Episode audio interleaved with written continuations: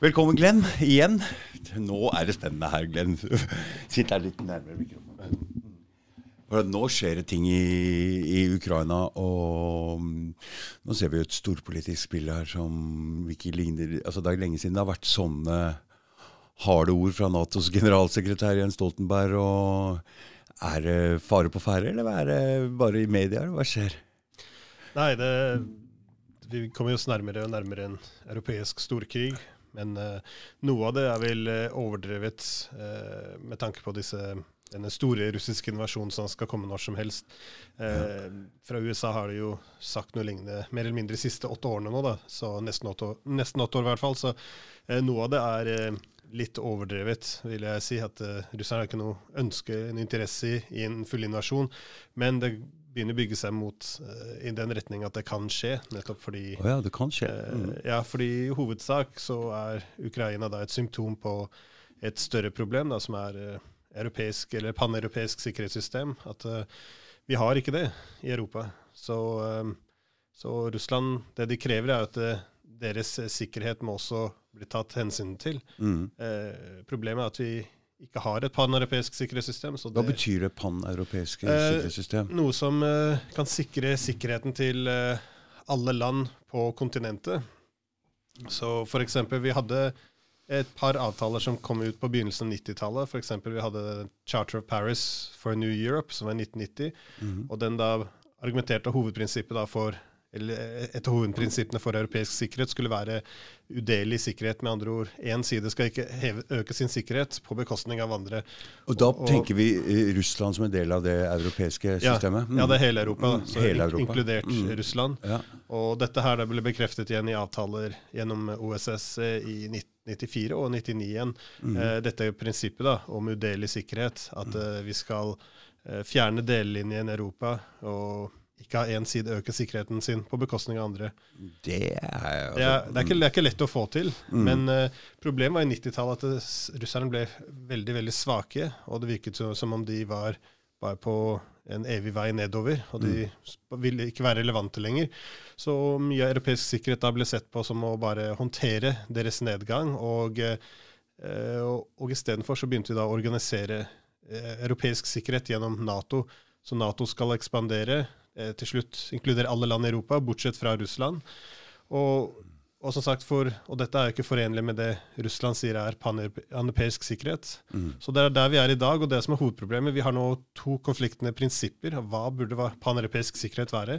Russerne sier det kan være ikke flere vi kan ikke ha en side kan ikke heve sin egen sikkerhet på bekostning av andre. Og mm. Nato sier nei, nei, det må være basert på friheten til kunne, at Nato skal kunne ekspandere. Om land vil være med, så skal vi få lov til å ekspandere. Og, eh, det, det, det, og de sier da det er forenlig med uh, udelelig sikkerhet fordi Nato-ekspansjon truer ingen. Det er bare positivt.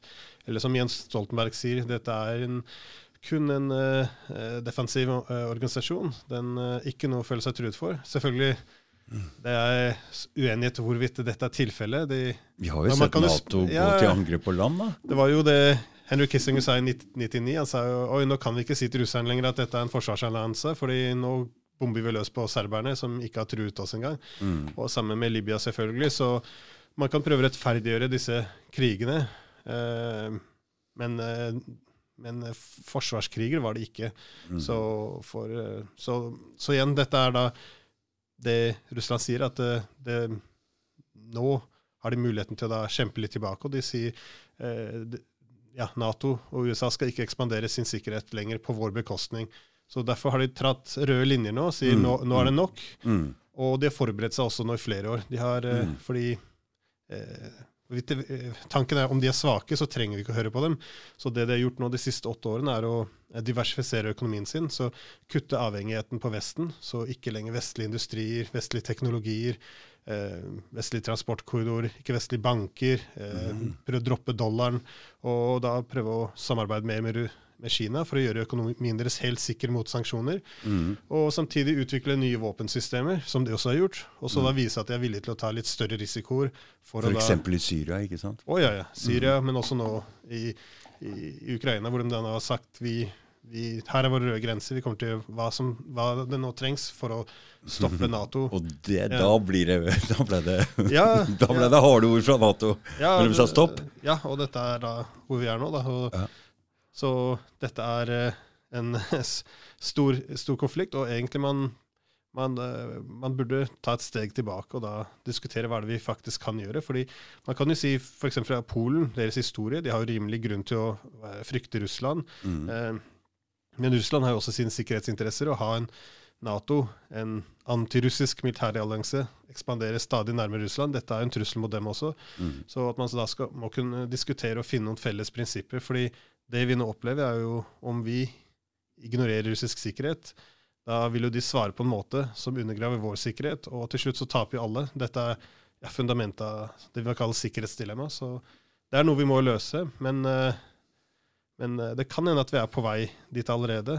Mm. Det, eh, ja, Et eller annet sted måtte de sette grensa, Russland. ja, ja. Ikke sant? Og Det er naturlig å sette det der ved Ukraina. Du, eh, Det er jo litt heldig som får deg her i dag, for du, du har jo sittet i, to møter allerede i dag. du. ja. På, på søndag er dette også. Ikke sant? Nei, men det er, Fordi du er så spesialist på det her. De ringer deg fra Al Jazeera og RT og alt mulig. Ja? For å uttale deg om dette her. Ja, nei, det, telefonen ringer litt oftere når det er eh, noe slikt som skjer. da. Det, Mm. Du syns nesten kalte deg for en krigsprofitør her oppe, siden du ja, ja, ja, nei, men det, er, det, er, det synd at det blir sånn, men ja, man eh, er- Så du er, en, du er spesialist på dette her uh, greiene her. Ja, det begynte, eller jeg begynte min uh, eh, mitt forskning på, på paneuropeisk sikkerhet.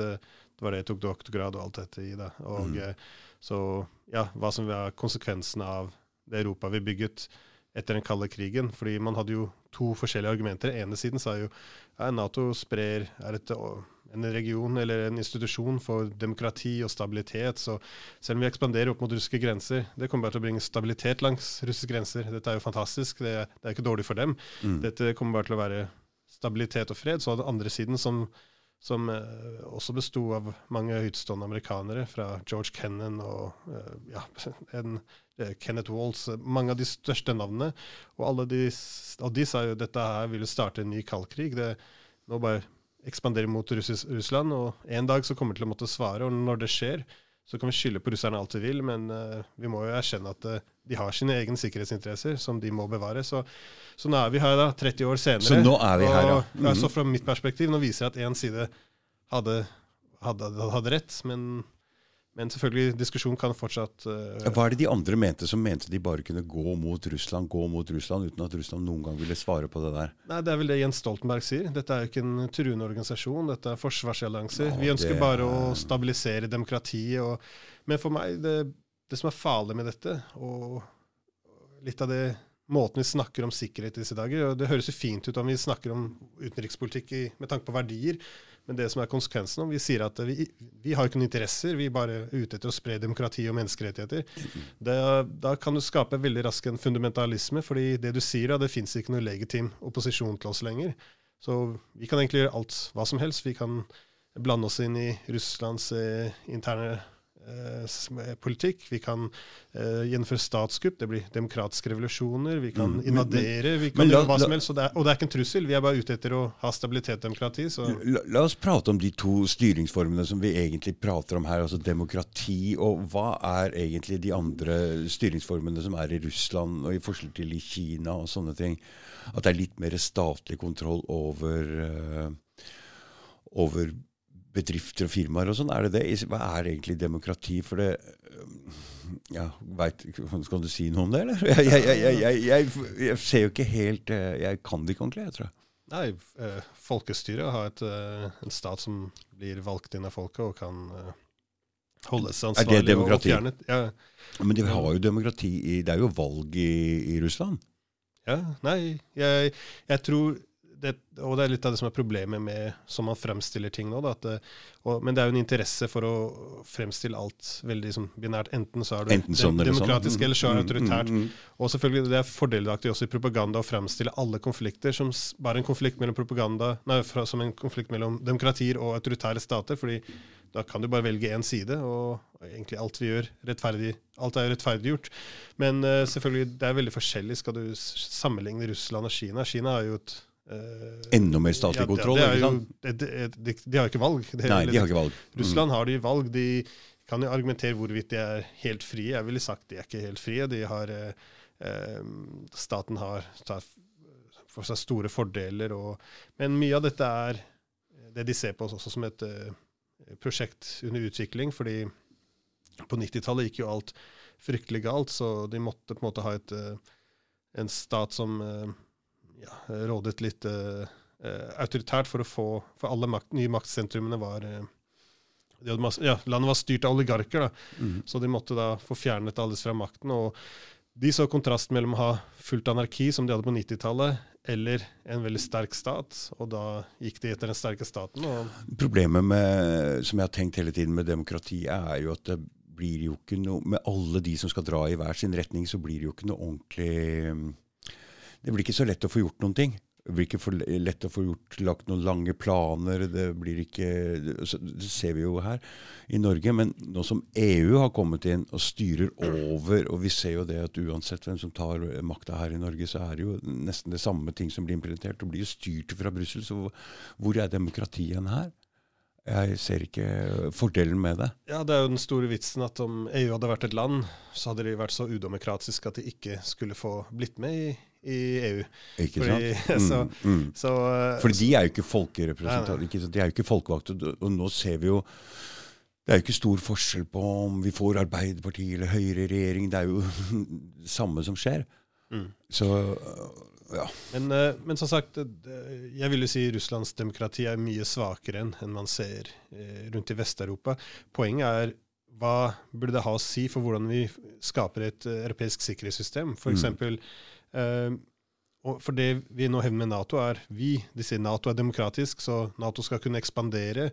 Vi skal kunne blande oss inn i Russland. Vi skal kunne Eh, gjennomføre statskupp, vi skal invadere. Alt under banner av, av, demokrati. At, at, det hjelper mm, demokrati. Mm, mm, men så sier vi Russland de har, eh, om de har noen interesser utenfor egne grenser, vel, da er det bare autoritært, og det er noe vi må kjempe mot. Mm. Så du, det vi sier, det er jo vi har en som er legitim, og en som er illegitim. Vi har en som skal ha sikkerhet, og en som ikke fortjener sikkerhet. Mm. Det, så det er ikke en bra måte å forstå verden på. Greit, demokrati har god verdi i seg selv, jeg skal ikke bestride demokratiets verdi, men, men, kan, men, å prøve å forstå hele verden gjennom denne linsen av demokrati mm, mm mot mm, autoritært, det, er, det virker mer som å ha en propagandaeffekt enn å kunne ha en, ha en, god forståelse av hvordan verden fungerer. For nå har de jo gått inn og prøvd å lage demokrati i Afghanistan, i Irak og i Er det det de har prøvd på? og i Libya. Ja, Ikke sant? Det har jo bare destabilisert hele sonen der nede og skapt en haug med flyktninger hit og destabilisert deler av Europa også. Ja, man må jo spørre seg selv på et eller annet tidspunkt må man jo vise til Noen gode resultater. Ja, ja, ikke sant? For, mm. for, til de beste intensjoner har ikke noe å si om det ikke leverer resultater. Og, uh, men uh, som sagt, ja, vi begynte å snakke om Ukraina, og det er kanskje et veldig godt eksempel. For Ukraina er et veldig dypt delt land, som vi mm, mm. sikkert har snakket om etterpå, av, av flere årsaker. Mm. Men hele ideen om at du kan ha et Ukraina som enten er helt alliert med Russland, eller som er helt alliert med Vesten mot Russland. Det kan ikke være demokratisk. Mm. Og vi ser jo også hvordan eh, For igjen, alt som Nato har gjort nå i Ukraina, og amerikanerne, har jo vært under navnet av at dette er bra for demokratiet. Vi bare ønsker å hjelpe ukrainerne. Men mm. hvordan har dette blitt gjort når Nato lovet eh, Ukraina Nato-medlemskap i 2008? Mm. Det var en mellom 20 eller 25% av befolkningen som ønsket det. Mm. De, de, fleste ville ikke mm. ha det. Flesteparten så på Nato som en aggressiv ja. militærallianse. Så så folket ønsket jo ikke å ha det. Nei. Og Eneste grunn til at den nå ligger på agendaen, er fordi eh, vestlige land støttet jo statskupp der i februar i 2014. Mm. Mm.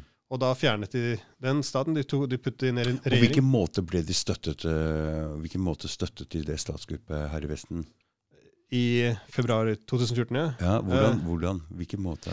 Vel, det hele begynte med da EU de, de tilbød uh, en, eh, det er kalt association agreement da, med Ukraina, som mm. er en mm. avtale for å styre mer eh, ja, deres økonomi og sikkerhet vekk fra Russland og mer mot EU. Mm -hmm. eh, og, og, det var på dette tidspunktet eh, eh, ja, russerne la frem et annet forslag til ukrainerne og tilbød dem økonomiske lån og andre avtaler for å si nei til EU.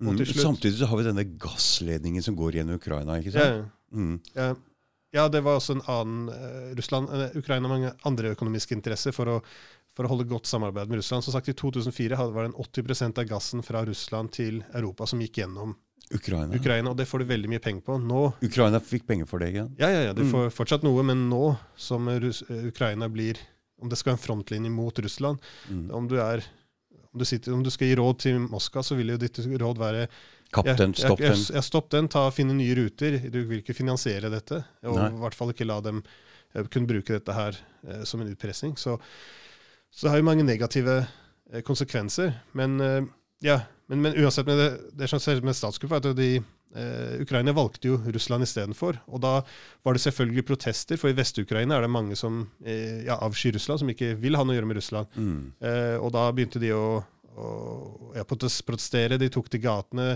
Mm. Eh, ja, mye vold. Og eh, Vesten da gikk ut og støttet det helt åpent. De, Da mener jeg helt åpent. Det sender politikere der til å stå og holde taler for dem og for alt dette. Og, eh, eh, og eh, ja, det var da Russland og Ukraina sa til EU kan ikke vi finne en avtale som med alle tre, slik at Ukraina ikke må velge. Må de velge, så blir det borgerkrig. Mm. Og da, ja, og, men EU sa da nei, og støttet da videre. Og du har alle disse lekkede eh, telefonsamtalene fra amerikanerne hvor de satt og planla hva de skulle gjøre etter statskuppet, hvem de skulle putte inn i regjering. og Det er helt veldig åpent, så det, Mm. er, det er ikke noe man egentlig kan fornekte lenger. Og Mm. til slutt så klarte de å presse ukrainske staten til å akseptere en fredsavtale, eller en avtale hvor de eh, tok inn opposisjonen inn i en felles regjering.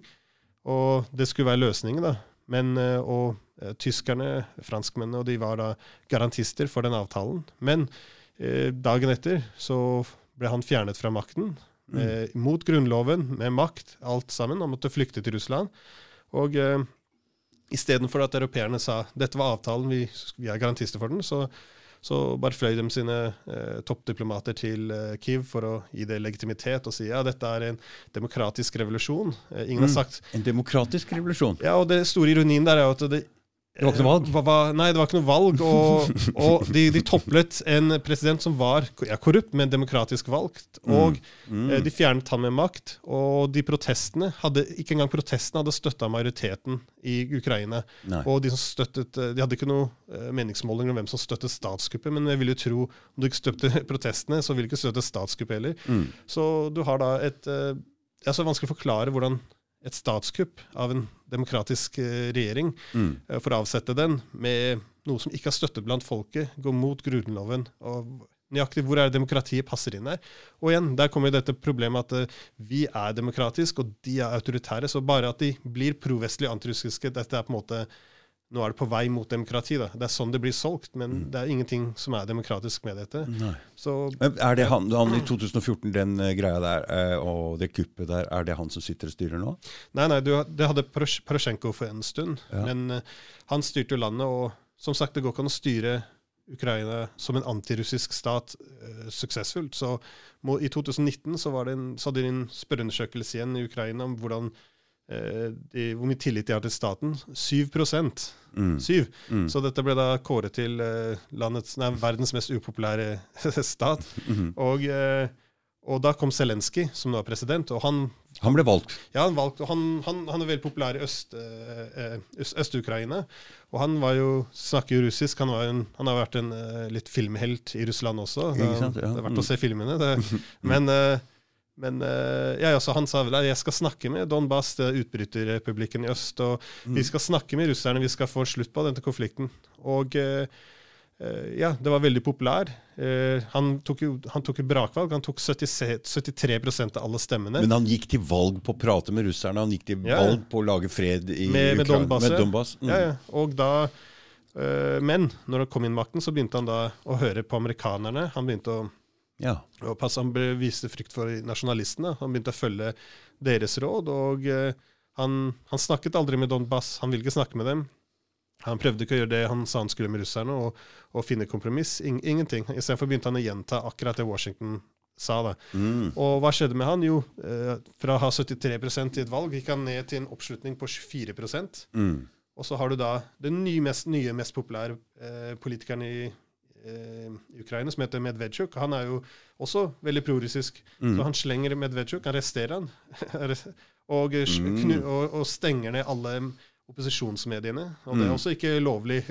Presidenten har ikke den autoriteten. Så det er Men- dette ja, ja. demokratiet som Vesten støtter. Ja, det, det, dette selges da som demokrati. Eh, Mm. Så det er, eh, det er altså, Det er helt eh, det er, det, det er På et eller annet tidspunkt må forklare hva vi mener med demokrati. Mm. Og mitt, mitt poeng er at det, skal du ha demokratisk Ukraina, så må det være nøytralt. Det kan ikke være bare eh, prorussisk, og det kan ikke bare være provestlig, eller i hvert fall ikke anti en av delene. Mm. Det, Jeg så en meningsmåling nå blant og Da var ikke do- utbruddet- utbryter uh, Donbas med en gang i den Ja. meningsmålingen. Og ennå så er det bare sånn 50-50 med hvilken vei de skal gå. Så Ja, ja, det er eh, det er som USA. De er jo forferdet fordi Putin sa at eh, nei, nei vi, vi, vi hater ikke ukrainerne. Ukrainere og russere er ett folk. Og de sa hva slags imperialistisk eh, tankegang er dette? Dere kan ikke si det.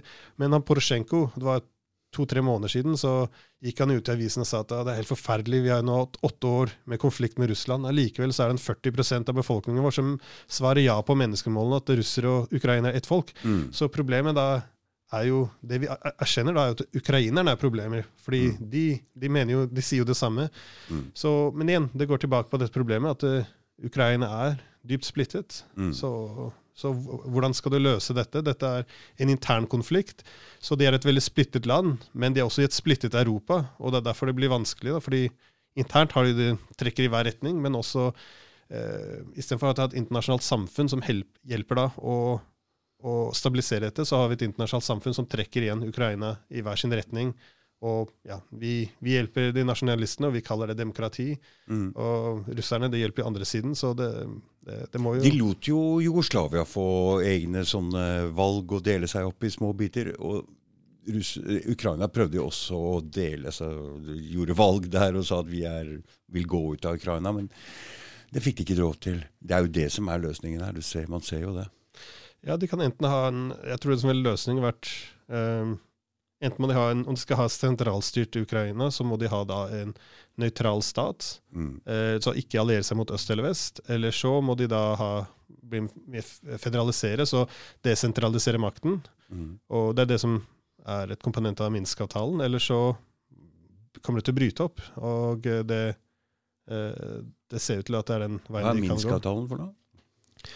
Vel, det var eh, eh, Ja, vi hopper tilbake igjen til 2014. Det var jo uh, Det var uh, etter statskuppet, så, så var det flere Så hadde de først et referendum i, i, i Krim om de skulle ta og splitte fra Ukraina og bli med ja, Russland istedenfor. Mm. Og da var det 95% som stemte ja. Mm. Og det høres jo veldig veldig mye ut, om Mm. det skulle være noe tull, men det er mange meningsmåler i ettertid.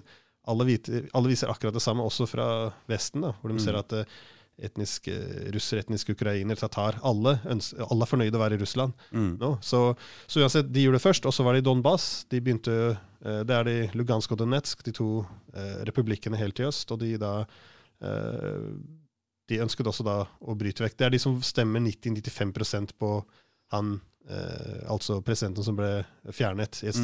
Så de sa vi anerkjenner ikke legitimiteten til dette statskuppet, så de begynte da å ta opprør. De begynte å ta over statlige eh, bygninger, akkurat slik som de gjorde i Vest-Ukraina og Minsk. Men da støttet vi det, da, før statskuppet. Mm. Men når de begynte å svare på akkurat samme måten i Øst-Ukraina, så kalte vi dem ja, dette er eh, hybridkrig, det er terrorister. Og, Mm, mm. og det var da, det Ukra- den, etter den, eh, staten, eller regjeringen som tok makten i statskuppet i Kiev, da, de da erklærte en antiterroristoperasjon mot dem. Antiterroristoperasjon mot uh, de som ikke anerkjente kuppet, og begynte å bombe løs på dem. Og dette var jo da støttet av amerikanerne og Nato, for de sa jo at dette her er uh, ja, dette er illegitimt, dette er prorussiske og men, men det er sånn Ukraina er delt opp. Mm. Eh, det burde ikke komme som stor overraskelse om over 90% stemte på han karen som du fjernet med makt, at de da ikke er fornøyd med dette. Mm. Så uansett, du, har da en krig. Du har eh, hovedsakelig fra eh, lokale fra Donbas mot de nye regjeringsstyrkene fra, fra, fra Kiev. Og selvfølgelig Russland hadde De har også sendt inn noen irregulære styrker. Så mm, ja, folk som frivillige. De går frivillig inn i Ukraina for å støtte Donbas, og når de kommer tilbake igjen, så rykker de litt opp i systemet og får belønninger. Så, så det er en eh, eh ja, en, en, eh, en, en, måte å støtte på, men i hovedsak så var det Donbas, eh, lokale, som kjempet. da.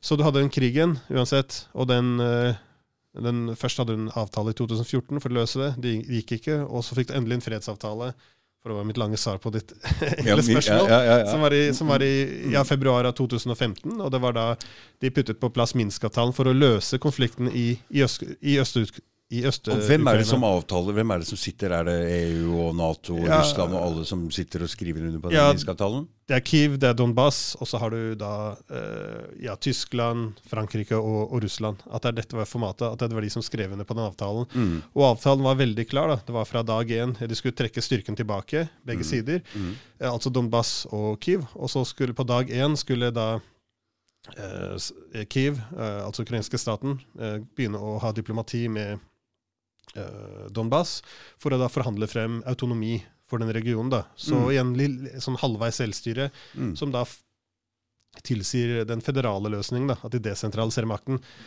Men, eh, Hva er det slags løsning? Eh, fremdeles ett land, men eh... Ja, altså ett land, men de skal ha litt selvstyre. Slik okay. som Krim mm. pleide å ha før, da når det var en del av Ukraina. Okay. Men eh, men om de skal ha mye autonomi og Kan man sammenligne det med hvilket land er det som har et sånt system? med selvstyre, uh, sånn? Er det noe? Fins det noe? Jeg vet ikke Kan man sammenligne med USA, at det er forskjellige stater, at de har en viss uh... ja, ja, til en Jo, til en viss grad. Uh, men det var Ja, si det. Uh, er det en god løsning? ja, det, det, det, kan være problematisk. Så det er gode grunner til å være kritisk til dette. fordi mm. du har sånne federale løsninger. No, det kan være en måte å løse problemene når du har et Veldig, en, en veldig, stat, ja, ja. en veldig stor konflikt. Men istedenfor å løse konflikten, det kan også da være, en, uh, være et steg videre mot å ha Løsrivelse helt. Ja, løsrivelse helt, ja. Så mm. får, da har du klare grenser, egne lov, og da blir det lettere å løsrive seg etterpå. Da. Dette mm. var samme problemet ups, i, i sånne etnoføderale konstruksjoner, sånn som Sovjetunionen eller mm. Jugoslavia. At mm. du da gir du mye autonomi, da blir det på en måte bare Neste steg er å bare kunne dra. Mm. Og i tillegg så vil jo det si om du har eh, en, Eh, Donbass, som har mye egenmakt innad i, i, Ukraina, så vil det eh, ligge opp mot at de kommer til å være veldig Russland-vennlige. Så det kommer til å være en måte for Russland å ha litt innflytelse innad i Ukraina. Og mm. det kan også da være noe som legger ned veto eller stopper Nato-ekspansjonismen. Og disse, dette er da hvorfor det er veldig uakseptabelt for amerikanerne. Mm. Så alle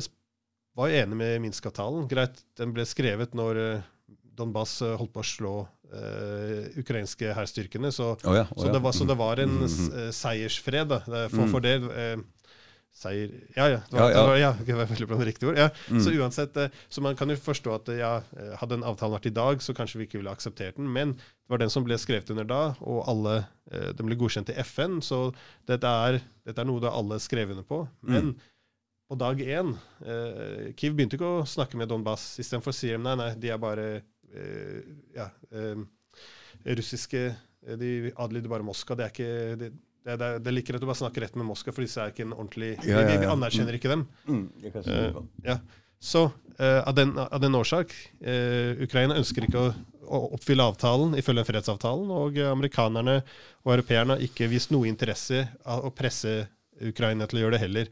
Fordi vi vil heller foretrekke at du har et sentralstyrt Ukraina som bare ser mot Vesten. så vi ser hele tiden de presser på, holder ikke avtaler. Vi, vi ser hvem som er aggressor her. Ja, men hva, hva er det vi gjorde over det siste? Det var i 2015. Hva er det vi gjort de siste syv årene? Vi puttet masse sanksjoner på Russland. Mm. og pumpet våpen inn i Ukraina for å endre maktbalansen, maktbalansen på, mm, mm. på, på, grunn av. Mm. Og, og, så, nå begynte da ukrainerne å mobilisere. Mm. Eh, var det i april i fjor eh, mot Donbas? Og eh, eh igjen fulle støtte fra amerikanerne og eh, trusler mot russerne om de våger å gjøre noe. Og, så det virket da at de skulle enten ta det med, tilbake med makt, eller at de ønsket å reforhandle Minsk-avtalen. Igjen, mm. ingen har, noen, ingen har vist noen intensjoner om å løse Minsk-avtalen. Og EU begynner å også da følge denne nye ideen at de skal eh, redefinere Minsk-avtalen. De sier det er Russland som ikke har oppfylt eh, sine forpliktelser i Minsk-avtalen. Men gå inn og les Minsk-avtalen. Russland er ikke nevnt engang. Dette er en Nei. avtale mellom Kiev og Donbas. Mm. Men, eh, men igjen, du kan slå på NRK sikkert òg. De sier også at Russland har ikke gjennomført det de skulle. Men igjen, dette her, de er ikke en del av avtalen. Og nummer to, dette er jo eh, første som skulle gjøres, var nettopp å sette seg ned og begynne å snakke med Donbas. Det, dette gjøres ikke. Så det er veldig uærlig, i min mening, da, det Mm, som mm, har skjedd her. mm. og eh, så ja, så det er der vi er nå. Det er derfor, eh, derfor russerne også begynte å blitt forbannet. De ønsker nå eh, gjennomføre Minsk-avtalen. Så Så jeg noe om at Russland begynte å prate om å le, le, eh, plassere ut våpen i både Cuba og Venezuela som en slags Eller var det bare en sånn eh, Nei, nei, de sa det. Det var Lav, Lavrov som sa Ja, det. ja, ja, feil. Ja. Nei, de sa Nei, fordi det går tilbake til vi begynte å snakke om med hva burde hovedprinsippet være for europeisk sikkerhet. Eh, Mm, mm. Og som sagt, om det er udelelig sikkerhet, da det er én ting. Men amerikanerne sier jo hele tiden nei, nei, nei, det, alle skal være frie til å være med i den militære alliansen de vil. Ok, Da sier de ok, ja, da sier de ok, ja, og Cuba ja, Ja. og Venezuela må gjerne Ikke sant? Ikke sant? Ja. Men, men, men hele poenget da er at det skal bare gå én vei. Mm. Og det er det, fordi det, For det første, det, det virker ikke veldig ærlig om du skal på, se i 1962 f.eks. Vi, Mm. vi hadde jo nesten atomkrig nettopp fordi russerne puttet våpen i Cuba. Ja, Det mm. var ingen i USA som sa ja, det er deres rett til å velge partnerskap. Selvfølgelig var det ikke det. De sa dette er ikke bare en avtale mellom Sovjetunionen og Cuba, dette er noe som påvirker vår sikkerhet. Vi skal ikke akseptere. Vi går heller til atomkrig enn å tillate dette. Mm.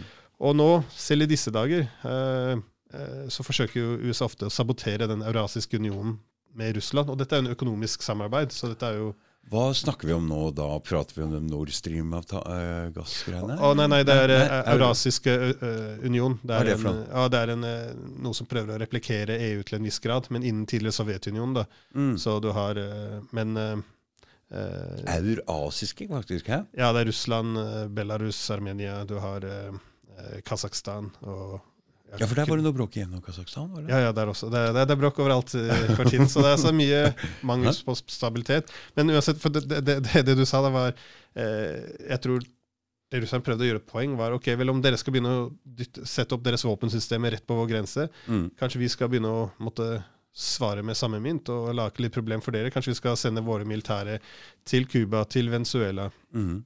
Og sette opp noen militæravtaler der med russiske militærbaser. Mm. Og da var det han eh, Jake Sullivan i USA. Han er jeg som, jeg som satt med en gang Ja, om, dere, om russerne gjør dette, så, så skal vi ja, på engelsk eh, we'll respond decisively. Så vi skal Ja. eh, svare eh, kraft, kraftig eller eh, ja. Men, men tror du Russland bare gjør det her for å vise, at det, vise enda tydeligere til verden hva som egentlig foregår? ja det, det er ikke noe behov for Russland å ha militær i de det- området. Og i tillegg Det er bare for å vise, Ja. gjøre et poeng? Vise et Ja, poeng? jeg viser et poeng, fordi Mm, det mm. amerikanerne kommer til å gjøre om Russland putter militærstyrker i Cuba eller Venezuela, det amerikanerne kommer til å gjøre, er akkurat det Russland gjør i Ukraina. De kommer ikke til å akseptere det. Mm. De sier dette er en rød linje, dette undergraver vår sikkerhet. Mm. Men hele poenget var at USA må si nei, nei, nei, nei, nei det, det, det får ikke lov til å gjøre her. Vi Mm. får lov til å gjøre det der.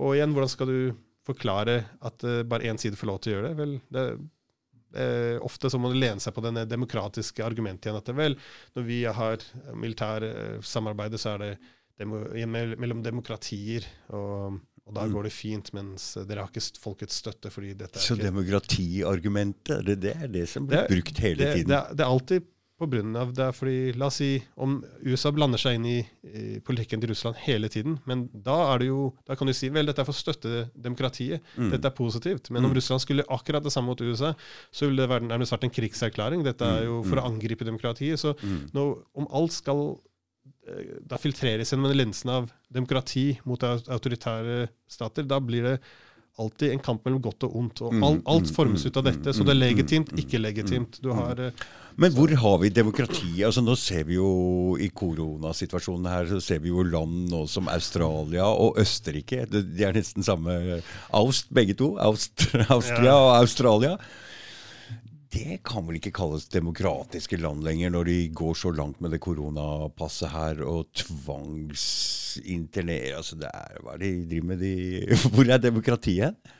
Nei, nei, men det går jo Nei, det er enig. Det det er derfor man også, også sier, det som er farlig med denne idealismen, da, fordi den brukes til å legitimitere en politikk som ikke gir lik suverenitet til alle. Men eh, nasjonale interesser. Alt vil alltid være underlagt nasjonale interesser. Så f.eks. når USA skal promotere demokrati. De gjør ikke det i Saudi-Arabia, de gjør ikke det i Kuwait. Mm. De, gjør det, de, de- de går etter fiendene sine. Det er der du ønsker å Mm. destabilisere Ja, ja, ja, og fjerne. Mm. Og, og alt blir jo, om noe er demokratisk eller ikke eh, Som sagt, det folkevalgte stat i Ukraina, den var ikke demokratisk. Men den som tok kupp, den var demokratisk. Så det er samme med Mm. India. Er de demokratiske i dag? Eh, de går, noen ganger så går det litt veldig langt i eh, ja, vekk fra demokratiet. Men, men igjen, så lenge de ikke går mot amerikanerne, så faller de fortsatt under kategorien av demokratisk. Og, og ja, som sagt, med det korona så er det litt eh, vanskelig å si hva som skjer. Det, det, kommer an på om pandemien er over og staten gir fra seg alle disse maktene og går tilbake til slik ting var. Mm. Så, men ja, jeg er enig. Jeg bodde i Australia i 14 år, så jeg er jo helt overrasket over at, eh, at, at, at, de kunne ta det så langt. Jeg Mm. forstår argumentene hvorfor det er viktig, og bla, bla, men, men jeg syns det, det de gjør nå, er eh, fryktelig farlig. Ja, Hvis de går tilbake, for det er jo blitt mye små lovforandringer rundt omkring. Og, og, og det går hele tiden på mer hemmelighold og mer Det går bare én vei. Ja. Nei, det ser slik ut, ja. Så, Det er en rar verden vi lever i. Du, jeg er jo litt sånn konspiratorisk eh, anlagt, og når jeg ser at uh, de har bygd ned kjernekraftverk i uh, Tyskland og kullkraftverk, det er jo CO2, men jeg ser ikke hva kjernekraftverk har med CO2 å gjøre. Samtidig så blir den Nord Stream-ledningen der, eller den uh, gassledningen, ikke brukt. Det betyr at vi får en energikrise i Europa nå. Mm.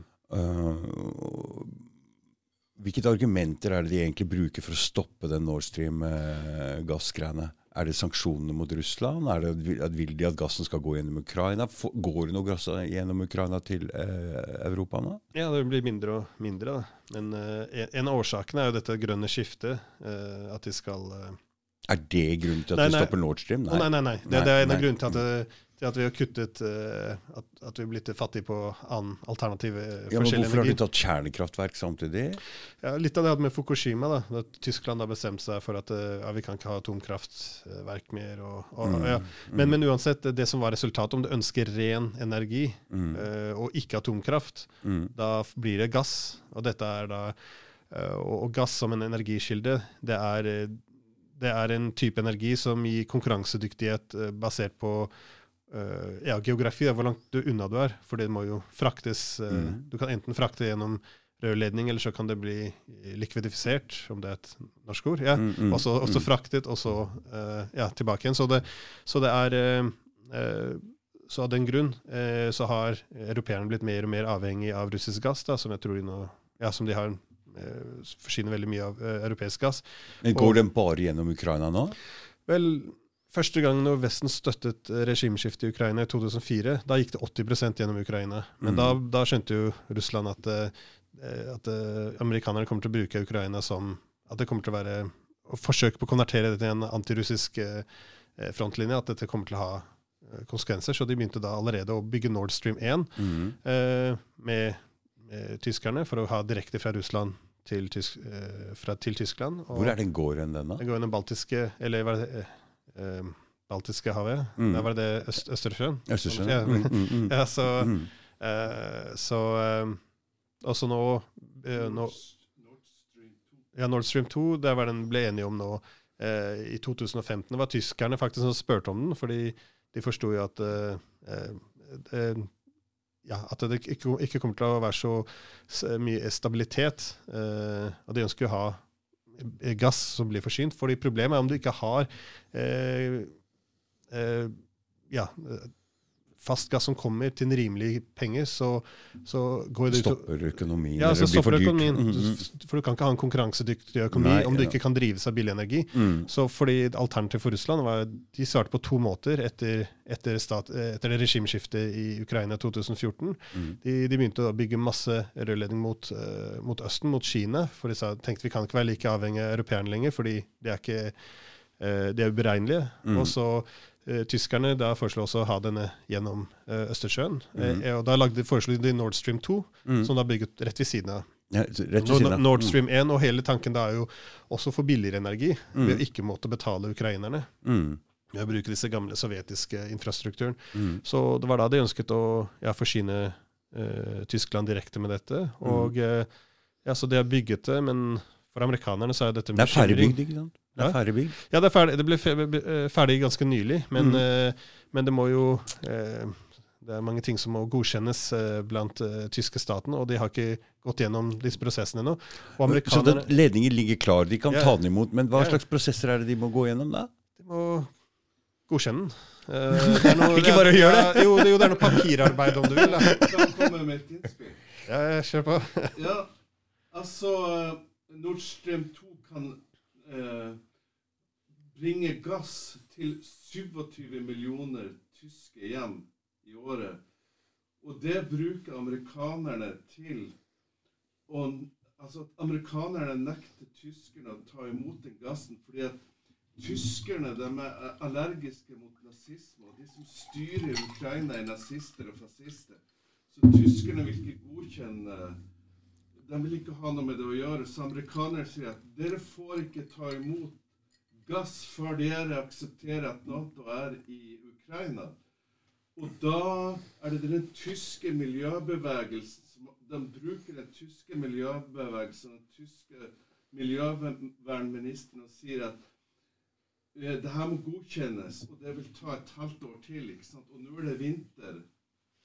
Ja, det er seg slik at Det grønne partiet i Tyskland faktisk at de er fantastisk eh, veldig, veldig eh, lojale mot USA og veldig antirussiske. da. Så Mm. man, man har inntrykk av grønne politikere, men det, om man tar en veldig nær titt på de grønne i Tyskland, det er en ganske interessant gruppe. Men, men, men som sagt, amerikanernes eh, bekymring er jo nettopp at europeerne skal bli for avhengig av russisk gass. Så de vil jo, så det, det, det er to årsaker. Én er de ønsker ikke at Europa skal bli så avhengig av russisk gass. Og det andre er de vil foretrekke heller å bruke eh, gassrørledningene gjennom Ukraina, for da får jo Ukraina pengene sine, og da gir også litt Ukraina litt makt over Russland, Mm. eh, som man har sett tidligere. Så de ønsker da å, å fortsette så de, de snakker om Ukrainas rett på å være en, eh, en stat som tar seg betalt for å få det, Dette er jo igjen, dette er merkelige prinsipper. De har jo ikke noe Mm. eh, rett til å fortelle russerne hvordan de skal eksportere sin gass. men dette er- Amerikanerne som stopper eh, oh, ja, de, nei, de har vært veldig åpne om dette. her. De sier Mm. ikke, ikke godkjenn denne, ikke åpne denne gassledningen ennå, fordi vi kan bruke det, som... det er jo eh, en slags energikrise nå. Vi merker jo her med strømprisen. ikke sant? ja, ja. ja.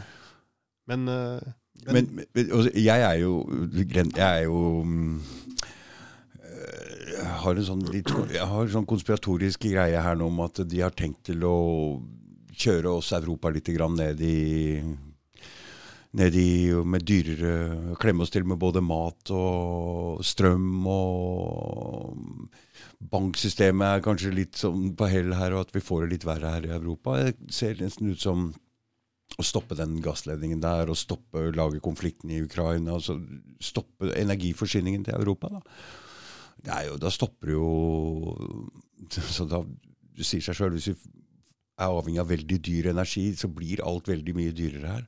ja, og det er det som er så En av grunnene til vi har den energikrisen i Europa nå, er jo at eh, eh, amerikanerne støtter veldig hardt at europeerne skal slutte å bruke russisk gass. Mm. Så av den års årsaken så, så har vi stoppet å ha disse langtidskontraktene med russerne. Mm. Så, og da har du jo, og da kan, fordi gass trengs en lang periode for å planlegge hva du skal ta ut og uh, ja, gjøre gjør den klar for eksport. Så, så, uh, så den årsak så kjøper vi heller nå på spotpris, da, hvor du bare ser hva som er markedsverdien akkurat der og da. Så kjøper du basert på hva som er tilgjengelig på markedet. Problemet nå er at det er ikke så mye tilgjengelig. Mm. Uh, og i tillegg Russland har, må fylle opp egne lagre. og Uh, og når de sender til Asia, de har skrevet langtidskontrakter, så de må, de må opp, uh, overholde de uh, forpliktelsene de allerede har. Mm. Så Russland leverer alt til Europa som de har forpliktet seg til i henhold til avtaler. Men skal kjøpe på spotpris på markedet, om det ikke er mer å selge, da, da er det synd. Mm. Og, da, og det er derfor energiprisen har gått opp så forferdelig. Da. Mm. Og uh, igjen er Så den Ukraina-konflikten har faktisk noe med strømprisen her i Norge å gjøre? Å ja. Å ja, å ja, å ja, å ja. Ja, nei, ja. men, uh, Ja. ja, men det, det er det du ser nå. um, det, selv nå, for hva det som har skjedd nå de siste dagene, Mm. eh, det er jo at amerikanerne de, nå- Russerne har bedt om disse forhandlingene, om de ønsker sikkerhetsgarantier for, for å legge grunnlaget for et europeisk sikkerhetssystem, hvor de også får ivaretatt sin sikkerhet. Eh, amerikanerne hadde jo tenkt, eh, Og det innebærer jo ikke mer Nato-ekspansjonisme. Så amerikanerne hadde bare de hadde tenkt å møte opp og til russerne og si hør, hele Nato står her, vi er forent, og du kan bare ta disse avtalene og dra rett tilbake til Moskva. Vi har ikke tenkt å høre på dere. Men eh, europeerne eh, liker jo ikke dette her. og de, for, for, Det amerikanerne skulle true med, var jo å stenge av dette Swift-betalingssystemet. Mm. og eh, ja, Men hvordan skal europeerne betale for eh, gassen sin, da? For, dette er jo, For det er et amerikansk system, det siste systemet? Eh, nei, ikke amerikansk. Det, er, eh, det skal være apolitiske, eller de skal ikke være politiske i det hele tatt. Det er Mm. drevet ut av Belgia, men de kan men de, de, Så de må jo ha europeernes eh, enighet om de skal gjøre dette. De sier at det ikke brukes politisk, men det har blitt brukt mot Iran allerede, å stenge dem. Altså, Mm. Så det de sier og det de gjør, er ikke alltid det samme. Mm. Men, men det som har skjedd nå, er jo at eh, selv om de fortsatt kunne ha andre betalingsmåter, det gå inn og ordne andre måter for å betale for eh, tysk gass, om vi skal da gå full økonomisk krig mot russerne, så er det mulig at vet ikke hvordan de svarer. Så å ha den store avhengighet av russisk gass, det er Og Plutselig så stenger Russland den nummer én nå? Det, det, kan skje, de har ikke truet med det. Men, men om vi skal stenge av alle russiske banker for eksempel, fra å kunne handle med utlandet De kan jo legge seg opp mot det kinesiske systemet. De bygget jo et alternativ i 2015. Så, så det, det finnes muligheter. Men hvordan kommer Russ, Russland til å svare også? Så uansett skal du, ha, skal du ha videre sanksjoner mot Russland, og det kommer til å destabilisere Europa til en veldig stor grad. Mm. Så denne amerikanske ideen at de skal kjempe mot russerne ned til siste europeer eh, Europeerne er ikke helt med på dette, så det du har sett de siste dagene Oi, oi, oi. Så, er- så, så USA isolerer seg egentlig mer og mer fra Europa, fra Russland, fra Kina, og presser disse folk sammen? US tar sjanser her nå? Ja, hva har skjedd de siste dagene? I Italia de har, sagt, de, de har ikke lyst til å være med på mer sanksjoner mot Russland. Tyskland har sagt noe av det samme. I Frankrike gikk jo Macron ut og holdt en tale eh, forrige uke, eh, litt tidligere denne uken her, hvor han da sa eh, ja, vi må prøve å gjenoppfinne nye, nye ideer om europeisk sikkerhet. Det kan ikke bare være Nato som ekspanderer opp mot russiske grenser og kalle det sikkerhet. Ikke, ikke om det får konsekvenser som undergraver sikkerhet. Så, så, så plutselig så har ikke amerikanerne den støtten lenger fra europeerne. Eh, Britene er fulgt med, selvfølgelig. De, eh, de er veldig forbanna på eh, italienerne, tyskerne og franskmennene for at de ikke legger seg opp mot amerikanerne. Men det f.eks. amerikanerne prøver å gjøre nå, er å gå ned til Qatar og få dem til å øh, levere mer gass til Europa. For om tanken er da om Hvordan, hvordan klarer de å levere til de- Europa? Jeg tror de leverer en 5 europeisk gass allerede. Ved båter, eller? Ja, ja. Så de tar gassen, de gjør det om til, fra gassform til eh, flytende, og så tar de Mm. og sender det til Europa. De, de sender mesteparten av gassen sin til Asia. Er gass veldig mye renere enn olje, eller? Uh, ja, jeg tror det er en av de reneste energikildene du har. Mm. Men, uh, men som sagt, russisk gass vil alltid være billigere, nettopp fordi de kan bare pumpe det gjennom rørledningene eh, rett over grensen. Mm. Så det gjør det billigere, som gjør at de kan prise ut konkurrentene. Hvorfor går ikke gassledninger fra Norge til Tyskland? Eller gjør det kanskje det? Uh, ja, de har den Jeg vet aldri veldig lite om Norge, men eh, de burde kunne Nei, de, eh, de har jo eh, eh, tang, Ja, vent da, nå må jeg ja, de har den LSG-en i hvert fall. Eh, Ja, men det som er saken, er at Kina og Russland har laget et eget betalingssystem som heter SIFT. Og de har kobla på Iran og Eurasia. Så amerikanerne har et problem fordi at Kina og Russland handler med SIFT Mm. Mm. istedenfor SWIFT. Og Det er derfor amerikanerne provoserer frem en krig med eh, Ukraina, blant annet. Beklager at jeg avbryter. Nei, men, men, det, nei, men det stemmer at om de er Det var det tyskerne advarte nå bare i går. Eh, jeg glemte hvem, hvem var, men som sa at eh, om Russland kastes ut av Swift, så er dette noe som da kommer til å ha sjokkbølger gjennom europeiske økonomier. Mm. Og eh, Hvor langt tror du de vil dra dette her? Hæ? Hvor langt tror du de vil dra dette her, her Glenn? vel, vel, det er nettopp det. Poenget er at de hadde håpet hele, hele europeisk sikkerhetssystem har jo blitt nettopp basert på ideen at uh, vi ikke trengte å ta Russland inn til beregning. At, vi, at de måtte tilpasse seg avgjørelsene vi tar. Men det som viser seg nå, at eh, makten har jo omfordelt seg. Og det, og det russerne sier, er vi, vi skal ikke lenger Dette er en rød linje som per definisjon dette er en eksistensiell trussel mot oss. Vi kan ikke ha amerikanske våpensystemer inni Ukraina som peker mot oss. Så, så det er ingen måte de kommer til å, å, vike vekk fra dette. Så om de skal opprettholde disse røde linjene, må de gjøre to ting. Det ene er vær pass på at, ja, som jeg sa tidligere, økonomien deres er helt sikker mot sanksjoner. Den har de gjort nå. De har begynt å reorganisere hele økonomien mot eh, Østen. Jo mer vi putter sanksjoner, jo raskere bare fortsetter de denne trenden. Og disse våpensystemene. Så de må være klare for krig om du skal opprettholde disse røde linjene. og eh, de har gjort seg klare? Ja, ja, og USA har allerede sagt vi har ikke tenkt å gå til krig med Russland og Ukraina. Så, så, så vi har ikke militære muligheten. Og nå prøver de å true med sanksjonene. Mm. Og om også sanksjonene ikke går noe sted. Europeerne har ikke lyst til å være med på det. Og selv om de er med på det, så vil det bare det skape mye problemer for Russland. Ta et mm. stort hogg i økonomien deres. Men mm. det vil de bare gå nærmere Kina enda raskere. Så, så, noe, så det er ikke noen gode alternativer lenger. Og da vil de jo si at ok, kanskje vi må finne en avtale med Russland. Eh, du, um, nå har jo han der Klaus Schwab han har jo skrevet en bok, 'The Great Reset', eh, covid-19. og Der går det jo mot en ny sånn verdens at De vil jo ha en ny sånn verdensordning her. og En av måtene å gjøre det på er jo å destabilisere Europa og få oss til å skrike på forandringer. Og det å klemme og strupe energiforsyningen er jo en del av det. Og vi ser kanskje at det blir noe, noe matmangel her. Vi ser noen tegn så Den koronakrisa her har jo kosta folk. altså Det er jo Det koster mye. Folk har satt seg i gjeld. Land har satt seg i gjeld.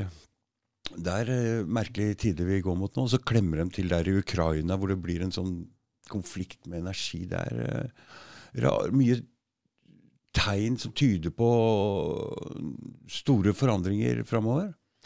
Ja, ja, det Shab eh, bygde det inn sin på. Jeg, eh, det, det, er basert på ordentlig, eller virkelig eh, teknologiske endringer da, som vil kreve endring av ja, politiske og økonomiske, system, mm, mm. og økonomiske, systemer. For jeg ser jo det. Men ja, eh, men, ja det er ikke, men de visjonene han har, det har skapt eh, litt eh, backlash da, av, av, gode årsaker. Så, og, og, at det er mye, mange som er kritiske mot dette. Mm. For mye av dette reflekteres jo i denne politikken vil sier 'build back better'. Eh, mm, mm. Men, eh, men, det det er basert på, er disse nye teknologiene som kommer ut. Fordi vi går inn i ja, det som refereres til den fjerde industrielle revolusjonen, da, som er da ja, defineres som når eh, digitale teknologier kan manipulere den fysiske verden. Så du har selvkjørende biler, mm. eh, sånn smart cities mm, mm, mm, eh, mm, endrer alt på produksjon, eh, mm. agrikultur all, all, Hele industrien blir omgjort.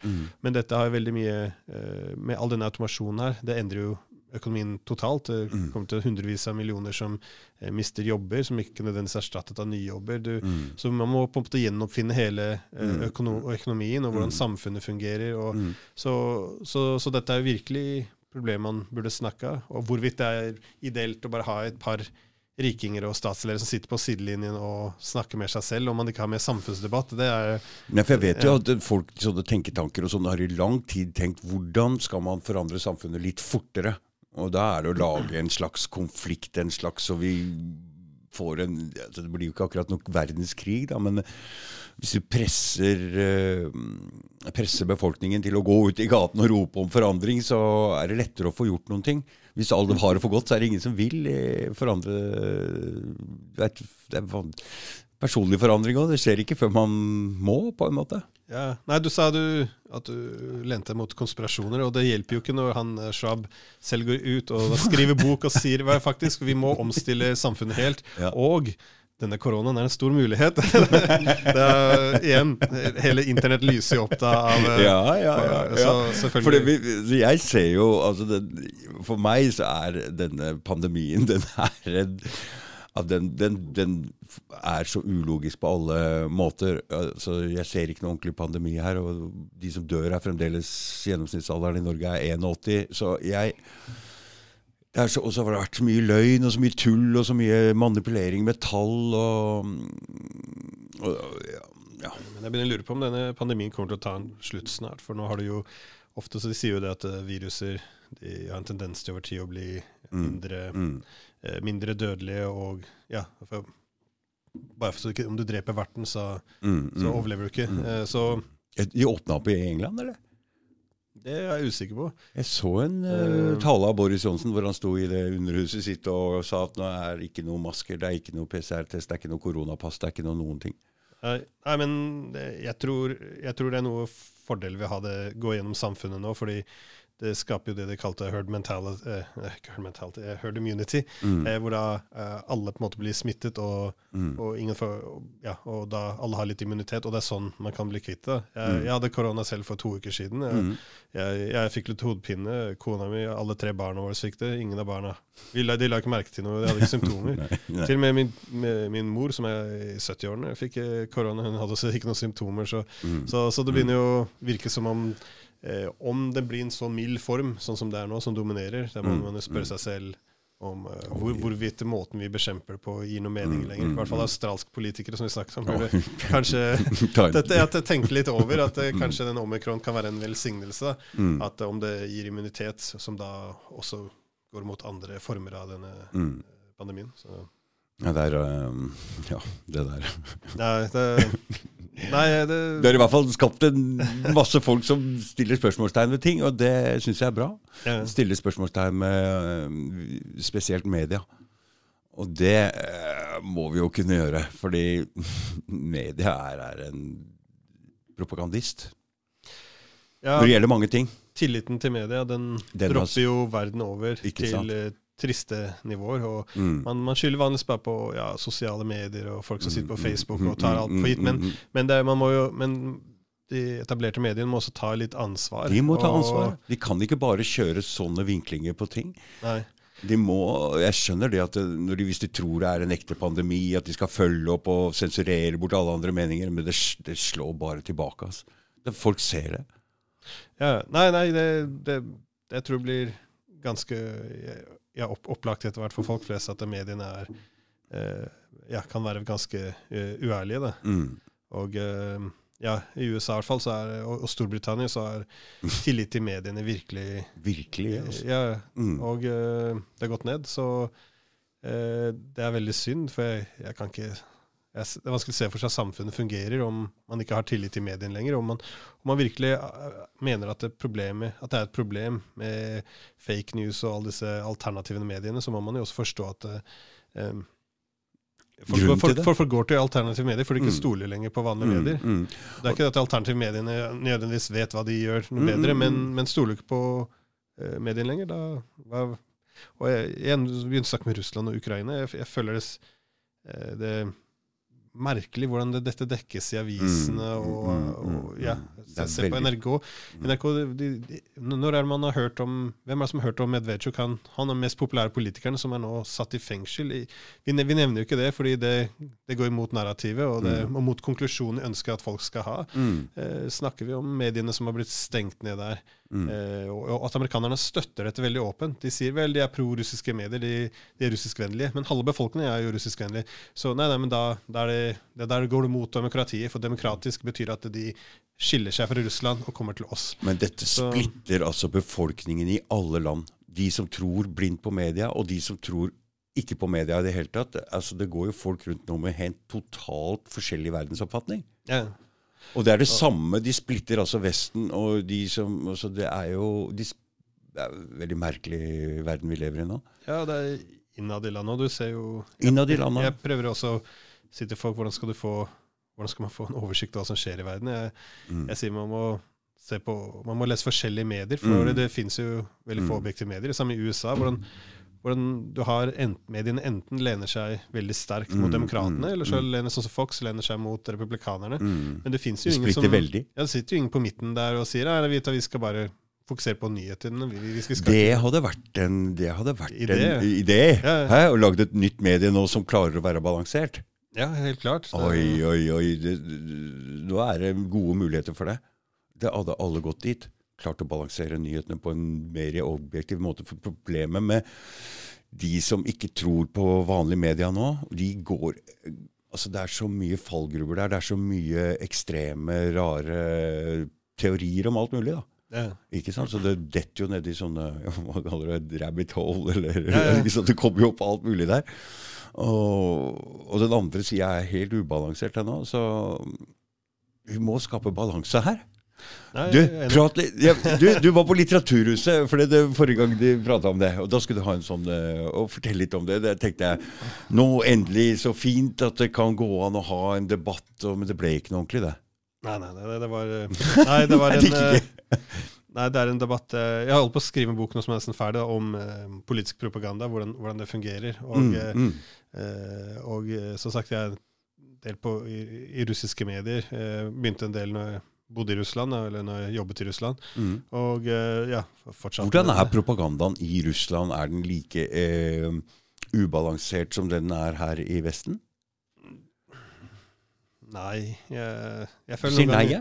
Nei, jeg føler noen ganger at det er, eh, det er mer som kan eh, diskuteres der enn her. Men det er jo kanskje fordi Det er ikke det at de er eh, mer moralske eller noe slikt. Det er bare det, de er ikke noen engler, de heller. Men, eh, men jeg tror det er fordi vi, har, vi er mer ideologiske. Da. Eh, og det, det er et viktig komponent i Hva betyr det? ideologiske, og ja, eller at vi organiserer all diskursen vår gjennom debatt, nei, gjennom eh, ideologi. Så for eksempel propaganda er et veldig misforstått konsept. Da det er ofte spør du folk hva er propaganda, så svarer ja, det lyver og ja, forfalsker. Men, men det, ofte vil folk assosiere det med autoritære stater, deres statlige medier. Mm. Så russiske medier, statlige medier, dette er kjernen av propaganda. Men Mm. det er ikke det propaganda eh, egentlig betyr. Det, propaganda eh, Det ble jo eh, Alle land driver med en del propaganda til en Mm, viss grad. Og det som er mm. interessant, er alle de, opp, de som opprinnelig kom med all litteraturen på, om propaganda, de som kom med kjernelitteraturen, var hovedsak fra USA på 1920-tallet. Alle de var ganske enige om at eh, demokratier er mer avhengig av eh, propaganda nettopp fordi om det, suvereniteten ligger blant folket. Det er folk som styrer. Da er det mer behov for å styre Mm. mengden. da. Mm, Så dette var jo noe de erkjente at uh, dette er noe alle trenger. Eh, alle må, må, må bruke til en viss grad. mm. Og uh, ja, og ofte det vi gjør i propaganda, du ønsker å sette opp uh, rammene, og gjerne sette opp enkle binære forhold. Eh, enten er det dette, eller gå godt mot ondt. For så snart, så snart alt kan tolkes gjennom eh, en slik ramme, da, da har fakta veldig lite å si. Da. La oss si om alt, alt du skal ses i en verden som liberalt demokrati mot autoritære stater. Om det er sånn alt skal forstås, hva har det å si? Om vi invaderer et land, så er det jo for å støtte menneskerettigheter og demokrati og frihet, så da er det en god ting. Om våre motstandere gjør akkurat det samme, da er det for å skape et imperie og brutalisere lokalbefolkning. Så, så da, fakta har ikke noe, lenger, noe å si, så lenge vi aksepterer dette prinsippet. Så vi har statskupp, det er demokratisk revolusjon. Om noen andre gjennomfører statskupp, da de bygger et imperie. Så det har da ikke, så det er det som er litt av eh, prinsippet i, i propaganda. Og nettopp det at vi har eh, vår eh, Nettopp fordi vi er ganske ideologiske nå, alt skal jo bli sett eh, som en kamp mellom demokrati og autoritære stater, så har vi eh, Vi er mer sårbare da, mot propaganda, nettopp fordi vi De trenger å manipulere Ja, ja, vi- litt befolkningen for at vi skal stemme i riktig retning. Ja, så russerne for eksempel, hva, hva skal deres eh, kjernepropaganda være? Skal det være eh, De har ikke den sterke ideologien som vi har nå. Så, så igjen, det er ikke snille og slemme. Det er faktisk det, det er sånn propaganda skal gjøre det. Så det er bare at de har ikke samme eh, ideologien lenger da, Mm. eh, til å kunne propagandisere. Det er veldig vanskelig for publikum å høre hva du sier når du ikke har mikrofon, Ove. Propaganda betyr reklame. Men i tillegg så finnes det indoktrinering. Ja. Ja, det som er spennende, er det er en fin måte det- å uh, tenke på propaganda, at det er markedsføringen av politikk. Faktisk er en som heter eh, Edward Bernays og Walter Lippmann, det var ja, det, det vil argumentere de hovedto fra 90-20-tallet som kom med litteraturen om propaganda. Edward Bernays han var jo også, han jobbet under markedsføring. Han, eh, han eh, solgte at det var feminint å røyke, f.eks. Og alt, alt, alt dette. Han brukte samme teknikkene som for markedsføring Mm. i politikken. Da. Så eksempel i Guatemala så hadde de jo eh, de, innførte nye arbeidslover. Eh, så um, og, og da Dette gikk jo veldig negativt utover amerikansk industri i landet. Så, de, da, så han ble ansatt, og han jobbet hardt for å fremstille denne kapitalisten, som er presidenten deres, som en forferdelig kommunist.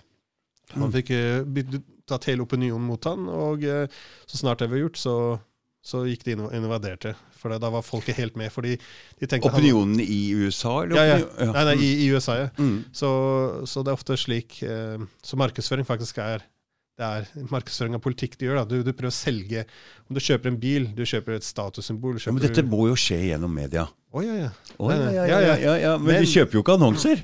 Nei, men, men det er nettopp det som også er en annen misforståelse. Det er at det, propaganda bare kommer ut av statlige, statlige medier. Men disse er jo også ikke riktig. Det er fordi eh, de ser at det, muligheten for å overbevise folk, det avhenger av hva kilden er. Så du må ha kildetroverdighet. Dette er en Mm, mm. veldig viktig komponent av propaganda. Som du har statlige medier som står der og sier bla, bla, bla. Det, det, det er ikke Det, troverdig. nei, det er ikke troverdig. Ja, det var det også de erkjente under kalde krigen, at eh, Vestens propaganda, eller amerikanernes og britenes propaganda, var mye mer effektiv enn mm.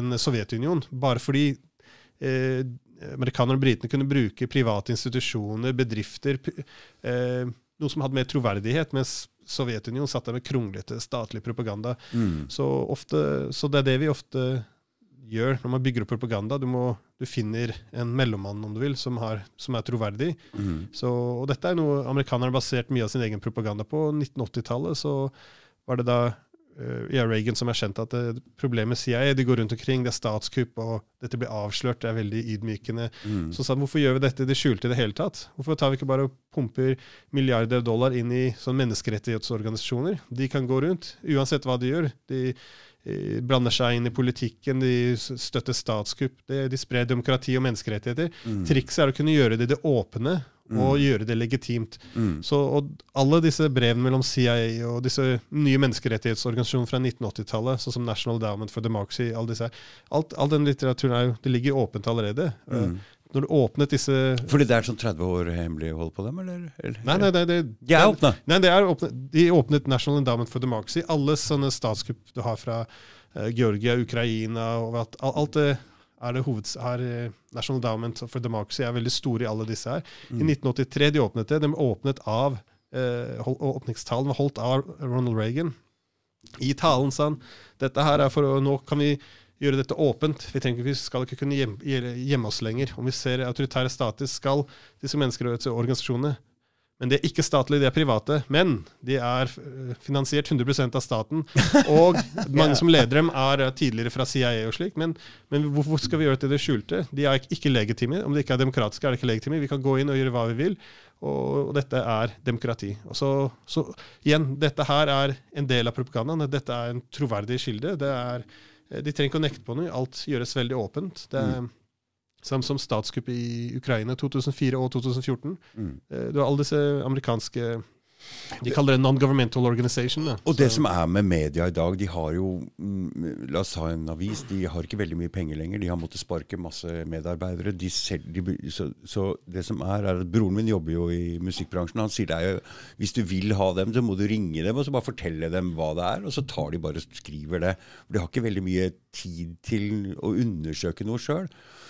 Og da blir det jo jævlig lett da for uh, stat eller hvem å bare ringe og si at her uh, Så bare skriver de det rett ut. Ja, så det blir litt av hyrding. da. Du, folket har en tendens til å organisere seg rundt én mening. Så lenge du er først ute med historien, Mm. det kommer fra troverdige kilder, og du klarer å dominere mediebildet, Mm. da ser du at alle begynner å samle seg litt rundt dette narrativet. Så du trenger ikke å ha småsensur i alle aviser. At det, det, det går mot sin hensikt. da. Så... Mm. Og det, er, og det er litt av problemet. Men som sagt, denne eh, rammen også, om, om du kan få folk til å akseptere at dette er en konflikt mellom Det er derfor de sier f.eks. i Ukraina nei, men det er demokratiske retten deres. Demokrati, demokrati, det er suveren rett. Mm, Om, det, om folk aksepterer den rammen, Mm. at dette er en kamp om eh, demokrat, eh, retten for Ukraina å være demokratisk og gå mot Vesten som de ønsker, ikke sitte fast i Russlands interessesfære. Om, om du aksepterer at det dette er som er problemet, Mm. hvordan, hvordan kan du ta, legitimt kritisere det som gjøres da? Og, Mm. og igjen, Det er det som er skremmende for meg. det er Jeg mener at Vi har mye propaganda. Jeg kan ha uavhengige aviser, men når slår du opp i avisen, når er det du leser om vestlige sikkerhetsinteresser? Når vi går inn i Ukraina f.eks., vi er helt passive. Det er, vi ønsker bare å hjelpe dem. Aldri diskuterer vi sikkerhetsinteresser. Så om det er sikkerhetsinteresser, kan du si vi har våre interesser mot russiske interesser. Mm. Hvordan kan vi ha fred? Vi kan kanskje snakke om kompromiss. Mm. Men når det er våre gode verdier Vi, Mm. vi har bearbeidet verdier, og Mm. deres dårlige verdier. Mm. Hvordan kan en uavhengig avis, eh, så fri du er, si ja, vet du hva, vi støtter Russlands eh, forferdelige verdier Mm. mot deres demokrati? Mm, Det, du kan mm. ikke gjøre dette. Så, så, du har bare, så lenge du har denne binære delingen hvor det Så da er var det litt relevant å gå inn og si hva et demokrati er og sånt. Ja, ja, ja, ja, vi, vi kom tilbake igjen. For det er litt interessant, den der. der. Nei, det er moro. Du har jo akkurat gitt ut en uh, bok òg. Det så jeg. Eh, Men den har du ikke med deg i dag. Nei, nei, nei.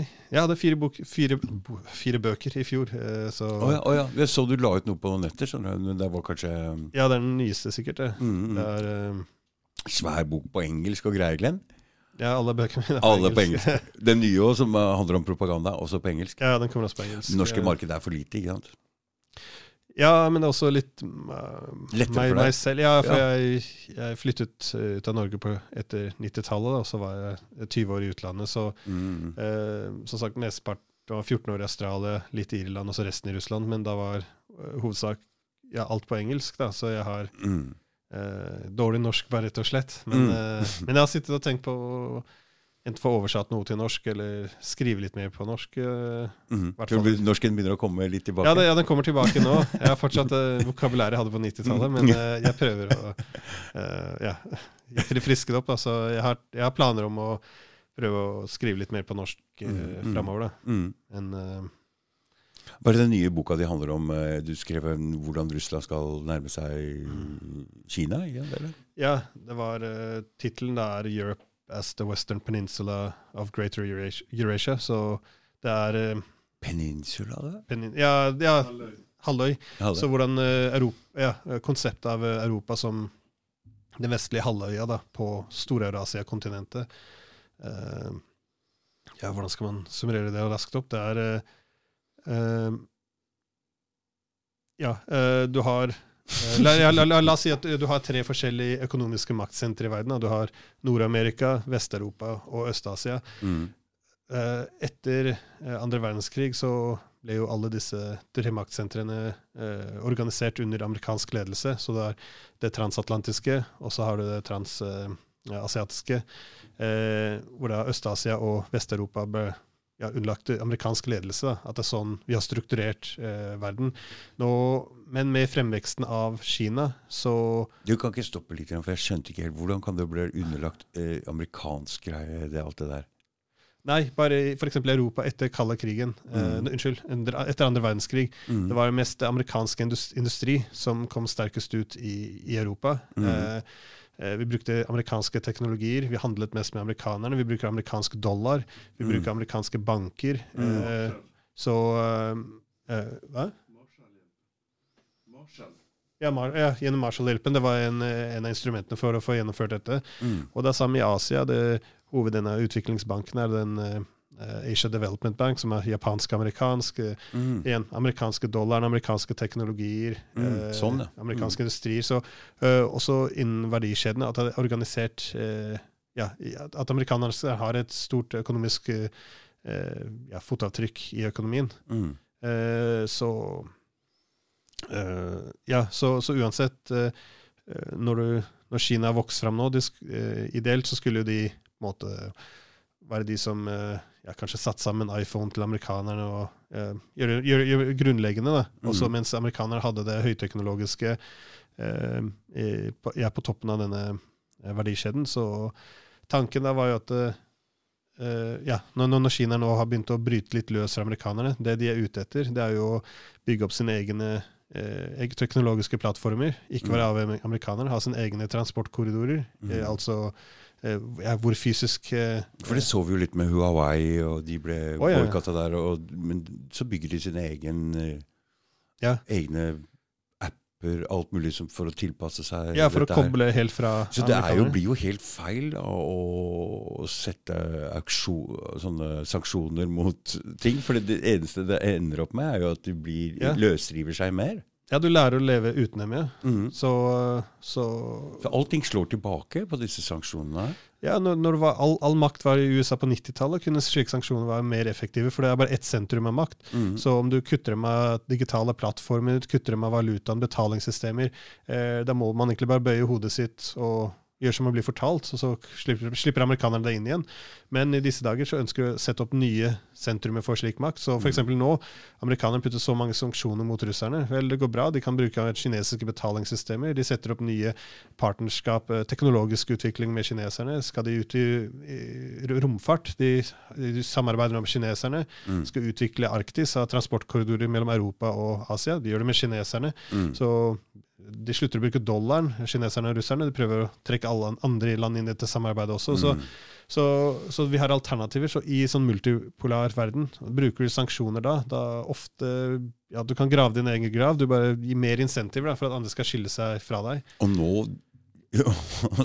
Samtidig da så ser vi at USA nå prøver å få Europa inn i sanksjoner som igjen slår dårlig mot Europa. Så plutselig så vender Europa seg mer og mer mot USA også. De, de, de isolerer seg, da. Ja, og det er nettopp det, eh, det, det man trodde, at når Kina vokser fram, at uh, europeerne da kommer til å alliere seg nærmere under USA. Men det man hører ofte fra Europa nå, er eh, EU for eksempel, sier jo selv de sier vi må ha strategisk auto, auto, autonomi, som vil si mer uavhengighet fra USA. Mm. Og det var det som var på en måte er, var argumentet i boken her, at, eh, at det store Eurasia som et konsept, det er da eh, ha hele eurasiske kontinentet begynne å integrere eh, nærmere. For andre ord, om Europa og Asia begynner å ha mer økonomisk integrasjon Mm, sammen, mm. uavhengig av USA, Mm. da blir dette et slags erasisk kontinent. Mm. Og da er Europa den vestlige eh, halvøya av, av eh, Stor-Eurasia. Mm. Og dette er jo et prosjekt som russerne er veldig interessert i, fordi, Mm.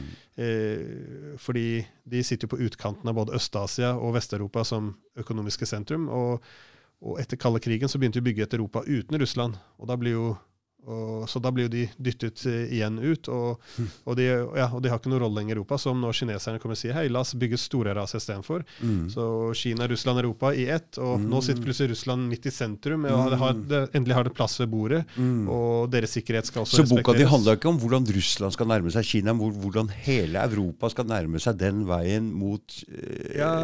Sammen med Kina, Russland og Europa? Begge, ja, Det første Det det historiske for noe av dette er holdt på i 200 Oi, år, disse oi, oi, ja. Og, og så har du også hvordan Russland og Kina har klart å komme seg sammen. Og Mm. også hvordan de prøver da, Russland og Kina eh, prøver å bruke økonomisk så statskraft da, eller innflytelse i Europa. USA er nødt til å komme til fornuft og prøve å backe down og prøve å bli venner med folk igjen. Ja, de kan ikke gå etter alle samtidig. Nå går de etter Russland, Kina, Iran, alle sammen. Og det eneste de gjør, er å presse disse landene sammen. Og samtidig så får vi problemer i, i Europa med energiforsyning òg. Ja, ja, det, det, alle skal få sanksjoner. Bruker du amerikansk, eh, kinesisk teknologier, skal du ha sanksjoner.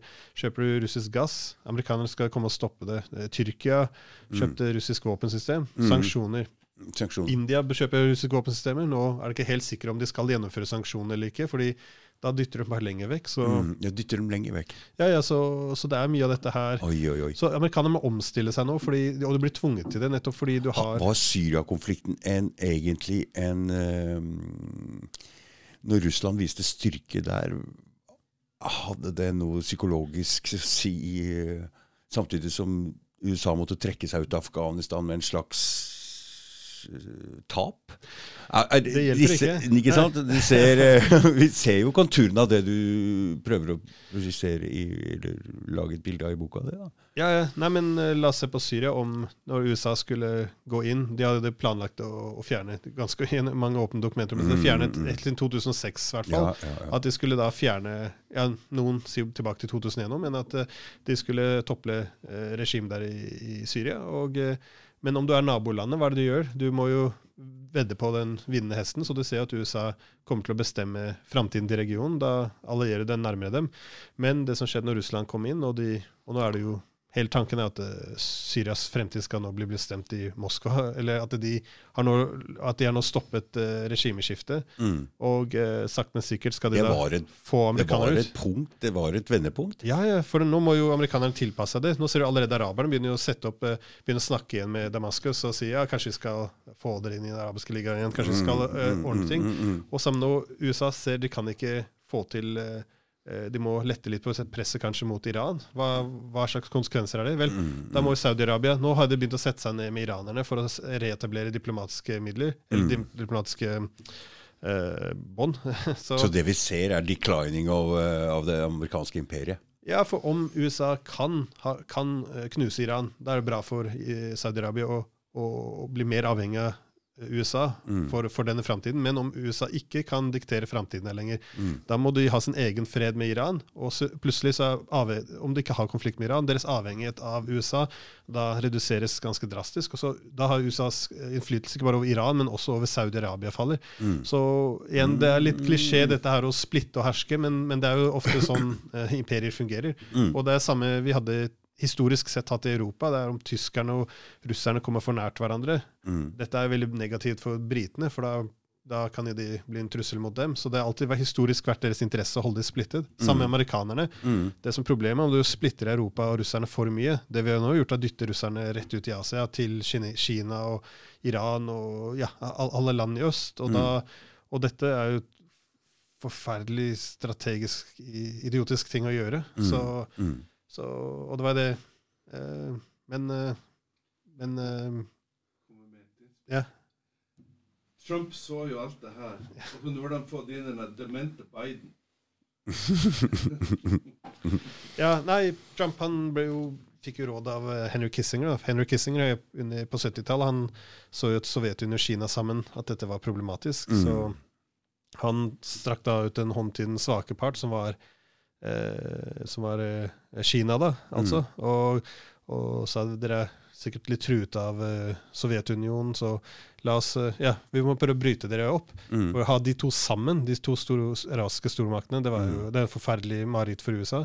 Og nå har det samme skjedd igjen. Så Kissinger han gikk ut til Trump og så sa eh, ja, vi må gjøre det samme her, men Mm. nå er det Kina som er sterke, og russeren Mm, som er svakparten. mm, mm, mm. Så vi kan gå til russerne og si at store Kina dukker opp på østlige grensen Mm, deres. Eh, mm, mm, kanskje mm. vi burde åpne opp Europa. Jeg så jo og- Trond prøvde på det. Han prøvde ja, ja. å bli venner med Putin, og fikk Russiagate slengt i trynet. Ja, ja, han ble en russisk agent. Ikke sant? Eh, Og, ja, og, og, så, og, så prøvde han å si 'China virus' og. 'China med ditten' og 'China med datten'. Så han prøvde jo på å splitte de to. ja, men det, men det går Det ikke. er, men da er det krefter i USA som ikke vil dette, da. Som Nei. vil undergrave USA. Ja, det er det som er problemet. De fortsatt, det, det er ikke 90-tallet lenger. Det var den unipolære perioden, når de da kunne diktere alt som skjedde Mm. overalt i verden. Men nå, når verden Ja, men Så dårlige strateger er de. Vil de virkelig eh, implodere sitt eget, eller eh, ødelegge sitt eget? eh? Nei, nei, men det som er fint i unipolære perioden for dem, var at de, når du kan diktere alt over hele verden, da trenger du ikke å ha prioriteringer. Du Nei. kan alt, kan du, Mm. Alle interesser kan du forfølge maksimalt. Mm. Det som er problemet nå, som deres relative makt har gått drastisk ned de siste 30 årene, er at eh, nå må du gjøre prioriteringer. Men om du ønsker da ikke ha Kina, som er den største motstanderen mot USA, altså me- mektigste, Mm. da, du, da kan du ikke også konfrontere russerne på, samtidig. Men da Nei. må du åpne opp for dem. Men Men dette må de jo skjønne, Glenn, når du skjønner det. Og jeg Ja. skjønner det jo lett når du forklarer meg det. jo, jo, jo, de skjønner det, men om du skal slutte konfrontasjon mot Russland, hva, hva betyr dette her? Da må du akseptere eh, at Russland også skal ha at de har legitim plass i Europa. Du må akseptere at Nato kan ikke ekspandere lenger. Du må, og så snart du aksepterer dette her, da, og du ender denne delelinjen i Europa, det ender en konfrontasjon med Russland, Mm. da, det er akkurat som det som skjedde mellom eh, Saudi-Arabia og Iran. Det skjer jo også i Europa. Da, da trenger vi ikke amerikanerne like mye om vi ikke har denne konflikten mot uh, russerne. Mm. Så da forsvinner mye innflytelsen her. Det er jo mulig umulig for det, da. ja, det er en vanskelig posisjon. De må omorganisere seg fra å ha denne verdensherredømme, om du vil, denne unipolære perioden de hadde på 90-tallet, til å omstille seg til en multipolær verden, hvor de da har klare prioriteringer. Men som sagt, om de ikke skal gå etter europeerne, eh, unnskyld, gå etter russerne, da, da mister de litt innflytelse i, i Europa ved å Tenk at de skal gå ut og si vet du hva, vi skal ikke ha mer Nato-ekspansjonisme. Mm. Eh, Russland har legitime sikkerhetsinteresser, de også. Vi må ikke tråkke dem for mye på tærne. Eh, og, og så plutselig ende, så skal vi ende denne eh, konfrontasjonen med Russland. Hva, Hva har de? Ja, men da, ja, my, ja, da mye av uh, innflytelsen da amerikanerne har i Europa, vil jo da uh, forsvinne ganske fort. Mm. Uh, så, eh, så igjen, det er ikke en konspirasjon, men dette har vært et av problemene. Du, Mm. eh, så om du ser på Polen og alle disse landene Igjen, de har god grunn til å frykte Russland. De. Det er historien, historisk sett har jo russerne tråkket på dem flere ganger. Men, eh, men, eh, så de har jo de har lagt seg 100% opp mot dette atlantiske partnerskapet, hvor amerikanerne da eh, ja, etablere seg i Europa. For det er nesten disse landene USA lener seg på nå. Disse som har frykt mot Russland, og det er de som ligger nærmest opptil, og dem de egentlig under Warszawa-pakten ble enige om å Nei, ble enige om å holde seg unna, disse ja. landene. Men det er der de egentlig kan finne mest støtte og frykt mot Russland. Oh, yeah. og, det, og det hjelper med andre områder. Skulle, om de skulle invadere Irak eller hva, hva, som helst, så er det alltid disse landene som da sender troppene sine med amerikanerne. fordi ja. de er veldig avhengige av amerikanerne. Men om mm. amerikanerne går til mm. Polen og sier vet du, vi har ikke tenkt å konfrontere russerne, de har legitime sikkerhetsinteresser, vi har ikke tenkt å putte mm, våre styrker for nært dem, da, da slutter jo disse landene å se mot USA for lederskap. Så, så det er denne muligheten til å monopolisere på sikkerhet. Det er den som forsvinner nå. da. Så det, Glenn, det er så morsomt å prate med deg. Jeg forstår ja. plutselig mye mer av ting og tang etter at jeg sitter sånn og snakker. Altså. Jeg har ikke tenkt så, jeg har ikke så peiling. det er veldig kult. Ja, si noe. Både Sverige, Polen, Tyskland og Frankrike har invadert Russland historisk, men Russland har knust alle. Mm. Ja. Nei, det, det, er gode grunner til å ikke ønske å ha denne konflikten med, med Russland igjen, ja. Så mm. Nei. Uh, nei, så det er, det, er, det er, mye på gang. nå. jeg vet at når man åpner avisen, skal de uh, presentere at dette er Russland truer med å invadere uh, Ukraina. Men, mm. men, det er noe mye større på plass. Det er, Russerne ønsker det vi ikke gjorde for 30 år siden. Det er å ha et paneuropeisk sikkerhetssystem hvor deres sikkerhet også blir anerkjent. Mm. Og det de har gjort det klart, er om ja, dette er røde linjer. Om, om, de ikke får sikkerhetsavtaler, må, de har ikke tenkt å overgi seg. og, og bare, bare, fordi de ikke får disse avtalene, da må de ta sikkerheten i egen hånd. Og det er der amerikanerne nå prøver å dytte tilbake og si nei, nei, nei. Eh, om du prøver å løse noe på egen hånd, da får sanksjoner. Da kommer militærmakt. Men det viser seg at det, det finnes ikke flere sanksjoner. Europeerne har ikke lyst til å være med på mer. Det finnes ikke noen militærløsninger. Amerikanerne har ikke eh, Så nært russiske grenser er det russerne som kan diktere utfallet. Mm. Og ikke bare er sterke der eh, militært, men de ønsker dette mer. For amerikanerne har ikke lyst til å gå til, risikere atomkrig med Russland for dette. Men for russerne, skal du ha løse den problemen i dag, eller vente 10-15 år når amerikanske våpensystemet sitter i Ukraina. Det er bedre å ha den konflikten i dag. Så Russland er forberedt på å opprettholde disse røde. De er villige til å gå hele, hele, veien om det er nødvendig. Bedre å ha en krig i dag enn ti år fra nå. Mm. Så, så, fra det perspektivet så finnes det ikke, har ikke amerikanskerne en militærløsning. De har ikke så mange sanksjoner lenger de kan kjøre. Europeerne ikke har lyst på det, og russerne har forberedt seg på det. Så, så vi hører jo hele tiden at dette er helt uakseptable eh, krav russerne setter. Men hva, hva er alternativet nå? Russerne sier ta og, Ukraina skal gjennomføre Minsk-avtalen, som alle signerte på. Mm. Og vi skal ha en slutt på Nato-ekspansjonisme. Får vi ikke det, så løser vi dette selv. Og ja, hva, hva kan vi gjøre? Vi kan si at dette er helt uakseptabelt, og vi kan for, ja, si, si sitte på nyhetene og skrive i alle aviser, men, men, det hjelper jo ikke. Eh, om vi ikke respekterer russernes sikkerhet, og, og, så vil de svare på en måte nå som da er veldig veldig dårlig for vår sikkerhet. Så, mm. så dette er en, eh, ja, en, vanskelig periode for, eh, for alle involvert. Mm. Spennende periode. Ja, ja, ja. Og et, enda, et vende, enda et vendepunkt, egentlig som Syria var, og Afghanistan kanskje var enda en greie, så er dette enda en uh, vendepunkt, hva som skjer her nå. Ja. De, men de kan ikke gå til krig. Nei, nei. Og, eh, men selv om ingenting nå skal vi Se hva som allerede er blitt oppnådd her. Eh, tyskerne, franskmennene, italienerne alle har nå gått ut mot amerikanerne og sier vi har, vi har ikke tenkt å vi, vi, vi, kan ikke, vi, kan ikke, følge dere lenger på nei, dette her.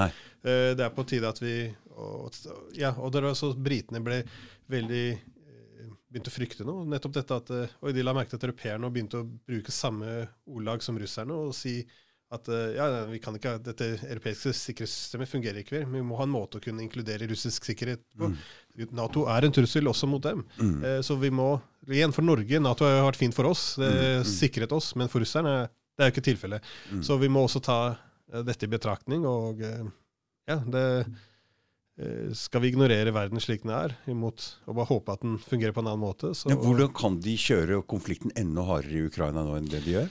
Ja, De kan da prater jeg med også USA? Ja, de kan gjør, jeg gjør det de gjør nå. Da. De kan uh, sende mer og mer våpen til, mm. til, til Ukraina. Mm. Og, og vente på å prøve å få Russland til å invadere og få det til å bli en konflikt hvor de går inn ja, sjøl og ødelegger hele Ukraina? Hva skjer? Ja, men Det vil ikke være, som sagt, det, som er, det eneste som er positivt her, med denne mulig forferdelige situasjonen, er at eh, det, det, er så forferdelig at det er ingen som ønsker det. En, mm. Mm. en krig i Ukraina. Russland har, de har ikke lyst på noe nye territorium. De, de har bare lyst til å forhindre at Nato tar dette territoriumet. Så mm. igjen, Vi leser veldig mye om interessesfærer, men russerne har ikke noe de kan ikke sette opp eksklusiv innflytelse over Ukraina. Er, de har ikke lyst på territoriet heller, de trenger ikke dette. Det de er ute etter, er å forhindre eh, USA da, å ekspandere over det. Så Nato-medlemskap, amerikanske tropper, styrker, våpensystemer, det, det, kommer ikke på tale. Så, så, det er det de prioriterer eh, Det er det de prioriterer nå, og det er det de, det, er det de ja, krever. Og, og igjen, de, de, ser ut til å få det. Bare se nettopp at europeerne ikke følger med. Dette er, helt, dette er fantastisk stort. Mm. Dette er eh, Hele salgspitchet til USA var jo at de, så lenge Vesten står samlet, så skal ikke Russland få sagt eh, ha noe som helst å si i Europa. Vel, de har noe har noen militære fordeler, økonomisk fordelen, og nå europeerne begynner å vike seg litt fra amerikanerne. og og dette syns jeg også er positivt. Eh, dette her, mm. marsjere denne marsjen mot Russland, dette kan jo ikke ende bra på noen måte. Så, mm. eh, så ja, nei, det er en smertefull tid for eh, Nato og Vesten. fordi nå er det første gang på 30 år hvor vi må si ops, vi kan ikke lenger diktere utfallet. Vi må gjøre et kompromiss. Men han og, Jens roper ganske høyt nå, ganske sterkt og mm. Ja, ganske sterk i språkbruken sin. Veldig. Eh, veldig. Ja, nei, jeg, jeg jeg, det er eh, Ja, nei, det, det, det, hjelper ikke stort, det. Jeg vet ikke. Er bare roping? Ja, nei, og som sagt det, Mye av det han sier også, det, det virker eh, ofte uærlig. da. Han sier jo vi er jo ikke en Som sagt, når han skal svare på det Russland ber om, men som sikkerhetsgarantier. At mm. de også, ja, så, Nei, nei, men Nato som sagt, det er en forsvarsallianse, vi snakket om det. Det, mm. Mm. det, det kan jo ikke stemme, det. Mm. Og eh, Russland skal ikke få diktere. Hvorfor skulle ikke Russland få lov til å legge ned veto? Dette, de er jo også europeiske makter. Mm. De, og de har jo lagt ned veto nå. De bare mm. sier Og eh, nei, jeg syns eh, Han holdt også en tale hvor han fortalte at Nato aldri truet noen. Vi har, eh, vi har aldri skiftet på grenser i Europa. Og så, og så begynte jeg altså, Jeg bare løgn. For, for folk, jeg bare løgn. Ja, ja, for folk også ble han spurt om Jugoslavia. Han refererte til Bosnia i 95. da. Mm. Men, men uh, hva med 99? Da, det igjen, det må poengteres at uh, Nato gikk inn og bombet uh, Jugoslavia i 1999. Og det var uten mandat fra FN. Mm. Og etter at de hadde da bombet det, så ønsket de å ha litt legitimitet. Så de fikk et mandat etter de hadde invadert og hvor de da skulle ha ja, fredsbevarende styrker, mm. under betingelsen av at territoriet, eller integriteten til da Serbia skulle ikke skades. Med andre ord, vi skal ikke ta og fjerne, endre på grensene med bruk av makt.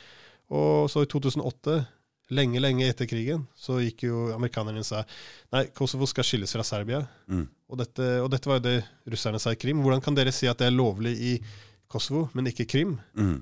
Og, og, man har jo ikke noe svar. Jeg husker Obama i 2014. Han gikk jo opp og holdt en tale og fortalte nei, nei, dette kan ikke sammenlignes. I, i Kosovo hadde vi Hele internasjonalt samfunnet var der. Eh, under referendumet vi ja, Alt var ja, god, godt og oversiktlig, alt gikk for seg ordentlig. I, mm. Dette var ikke saken i Krimmen. Men, det var helt oppdiktet. Det var aldri et referendum i Kosovo. Han mm. bare fant på et og det var helt, Men igjen, media skal rapporterte ikke på det. Mm. fordi skal du rapportere at Uh, igjen, det, Alle beviset er jo at han gikk ut og sa dette, men, men uh, skal vi gå oss Om la oss si Aftenposten skal skrive Oi, har Obama akkurat diktet opp et referendum? Det var jo aldri et referendum i Kosovo. Hva, hva, hva, skal, hva skal, man si? Da sier man jo Oi, russerne har rett her, ikke amerikanerne. En norsk avis kan jo ikke skrive det. Det må de skrive! Nei, nei de, de, de, de, skriver ingenting om det. Mm. Så, så man, man, man, kan ikke dekke det. For igjen, om alt er en konflikt mellom demokrati og det autoritære, da, da, da, da det, det påvirker da hvordan virkeligheten, slik du vil eh, dekke den i media. Og, mm. så, så, nei, det er uh, ja, kaotiske tilstander i Europa, så vi får håpe det ender bra. Hva er det Al Jazeera og RT ringer deg for og spør deg om med de kommentar på hva som skjer i Ukraina og sånne ting? Eller? Ja, hva er det som ja, skjer i Ukraina? Hva, mm, mm. hva skjer i Kasakhstan? Hva, hva, er det Nato og, og eh, ja, USA eh, og Russland prøver å forhandle fram? Og, og igjen, det, jeg kan forstå at det blir en veldig uoversiktlig situasjon, fordi som sagt eh, eh, Ja, det er eh, ja, det er mange dimensjoner på disse konfliktene. Mm, men, men nå har vi, vi klart å gå litt helt ut og se det hele store, alle land, og jeg, jeg, Ja. for å få litt stor oversikt over uh, hva som egentlig skjer. Veldig, jeg blir mye smartere hver gang du er her. Det er hyggelig at jeg prater. Ja.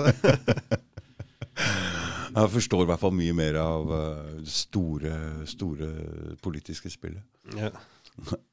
Kasakhstan, eh, kan du ta en kjapp greie om det, eller? Ja, ja. Eh, vel, det hadde eh, Igjen, det, det er ikke som noe lignende med Ukraina, med at det har en stor intern dimensjon til det. det mye av det som skjedde, var internpolitikken, Mm. men alt blir jo eh, veldig fort blåst opp til en internasjonal ting òg. Så det som skjedde i Ukraina Nei, i Kasakhstan var jo ganske stor Ja, de har hatt mye økonomiske problemer.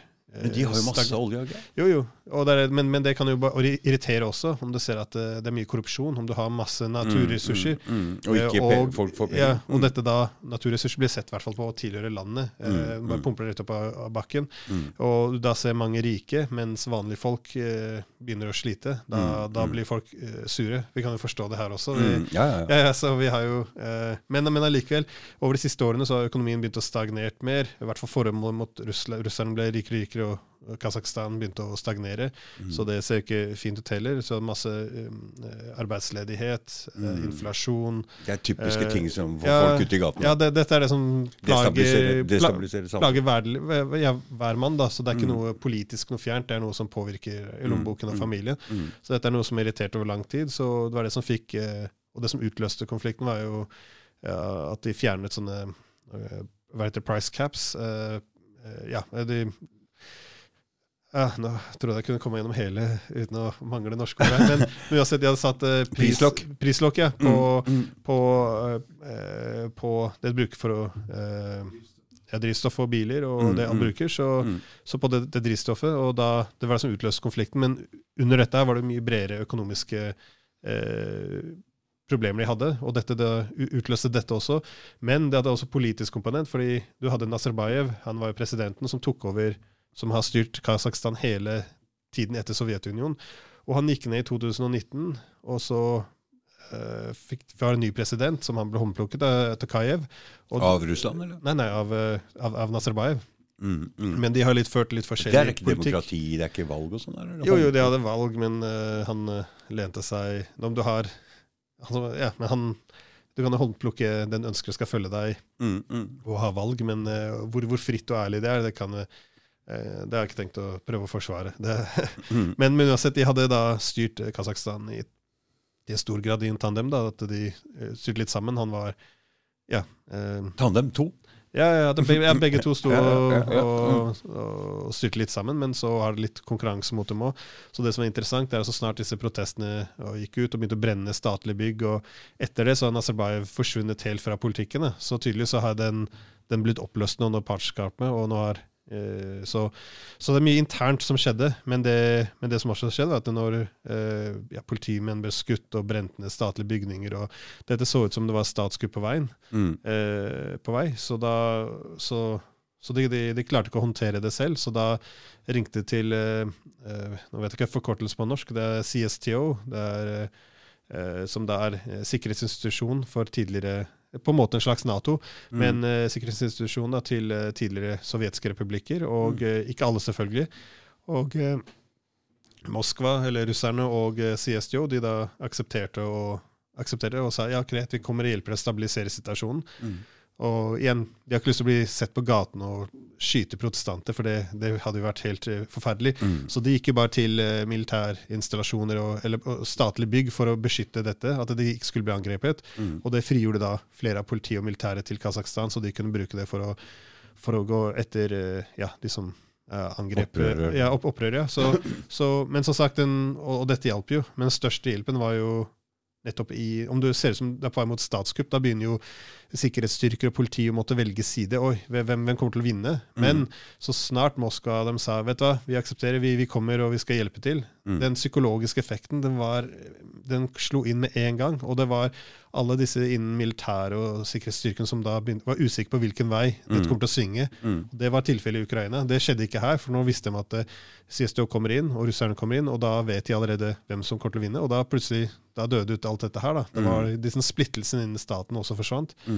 Og eh, igjen, Man skal ikke forenkle for mye, men det var da, det løste seg ganske fort. Og, og det gir stor, det er stor implikasjon for hele regionen. For nå har jo Russland og CSDO etablert seg som en sikkerhetsinstitusjon. Om noen har noen problemer, om det er amerikanerne som prøver å topple regimet, eller hva som helst, så, så vet de at eh, Russland kan komme og legge ned veto. Og, så dette hadde veldig stor eh, effekt. Så selvfølgelig amerikanerne ble jo forbanna. Da. Så de sa jo Mm. dette er helt uakseptabelt. Og den Blinken som gikk ut og sa ja, når russerne kommer inn i huset ditt, forlater de aldri, dette er en invasjon. Og, ja, det ble jo Mm. så, ja, Det var ikke måte på. Men som sagt, eh, for russerne var dette var veldig dumme uttalelser. fordi uh, Kasakhstan har en intern dimensjon. At eh, en, en, en fjerdedel av befolkningen er jo etnisk russere. Mm. Så om russiske styrker skulle bli værende der en stund, så ville jo dette bidra til etniske konflikter inn i Kasakhstan. Så mye av suksessen til, denne, dette oppdraget var jo basert på å løse dette, og så komme seg ut så fort som mulig. Mm. Og det forsvant jo i løpet av to uker. Så amerikanerne advarte at dette var en ny invasjon, og Mm, mm. Hitler-referanser og ja, altså det, det vanlige. Mm. At eh, alt dette nå virker jo ganske idiotisk, for russerne kom inn, stabilitet, og så gå ut. Det er det som er nøkkelen for at de skal ha innflytelse, ikke å drive og marsjere troppene sine over gater hvor det blir forhatt. Mm. Så, så, så det ble sett på som en uh, suksess, da. Mm. Men uh, Enda en liten ja, en liten til, så Nei, nei, så Og igjen, dette skjedde akkurat når på samme tidspunkt når russerne ønsket å forhandle ny sikkerhetsavtale i Europa, og, og, eh, og eh, ja, eh, situasjonen i Ukraina begynte å destabilisere seg. så Først så virket det som om russerne kommer til å ha stort kaos i Kasakhstan, som kommer til å svekke deres hånd i, i forhandlingene med amerikanerne, men istedenfor så kom de så fort seirende ut av dette at de ja, at, at, at dette eh, tror jeg var til deres fordel. da, At Mm. de viste at de kunne virkelig løse problemer langs eh, grensene deres. Mm. Så, så, så ja, det, det, det, det vil ha implikasjoner til og med i Europa. da. Ja, jeg skjønner. Ja. Mm. Konsekvenser var vel ordet. Ja, kjempebra. Skal vi bare si takk for i dag, Glenn? Det var i dag igjen. Nå var kaffen veldig si- kald, så kanskje Jeg må si eh, Jeg, jeg sa det i stad også. Det er eh, veldig interessant og lærerikt å ha deg på besøk. Jeg eh, går herfra med masse mer forståelse av hva som foregår i verden. Ja, takk skal du ha. Nei, det er bare hyggelig. Det. Greit. Ok, takk skal du ha. Takk, takk. Ha det. Ha det.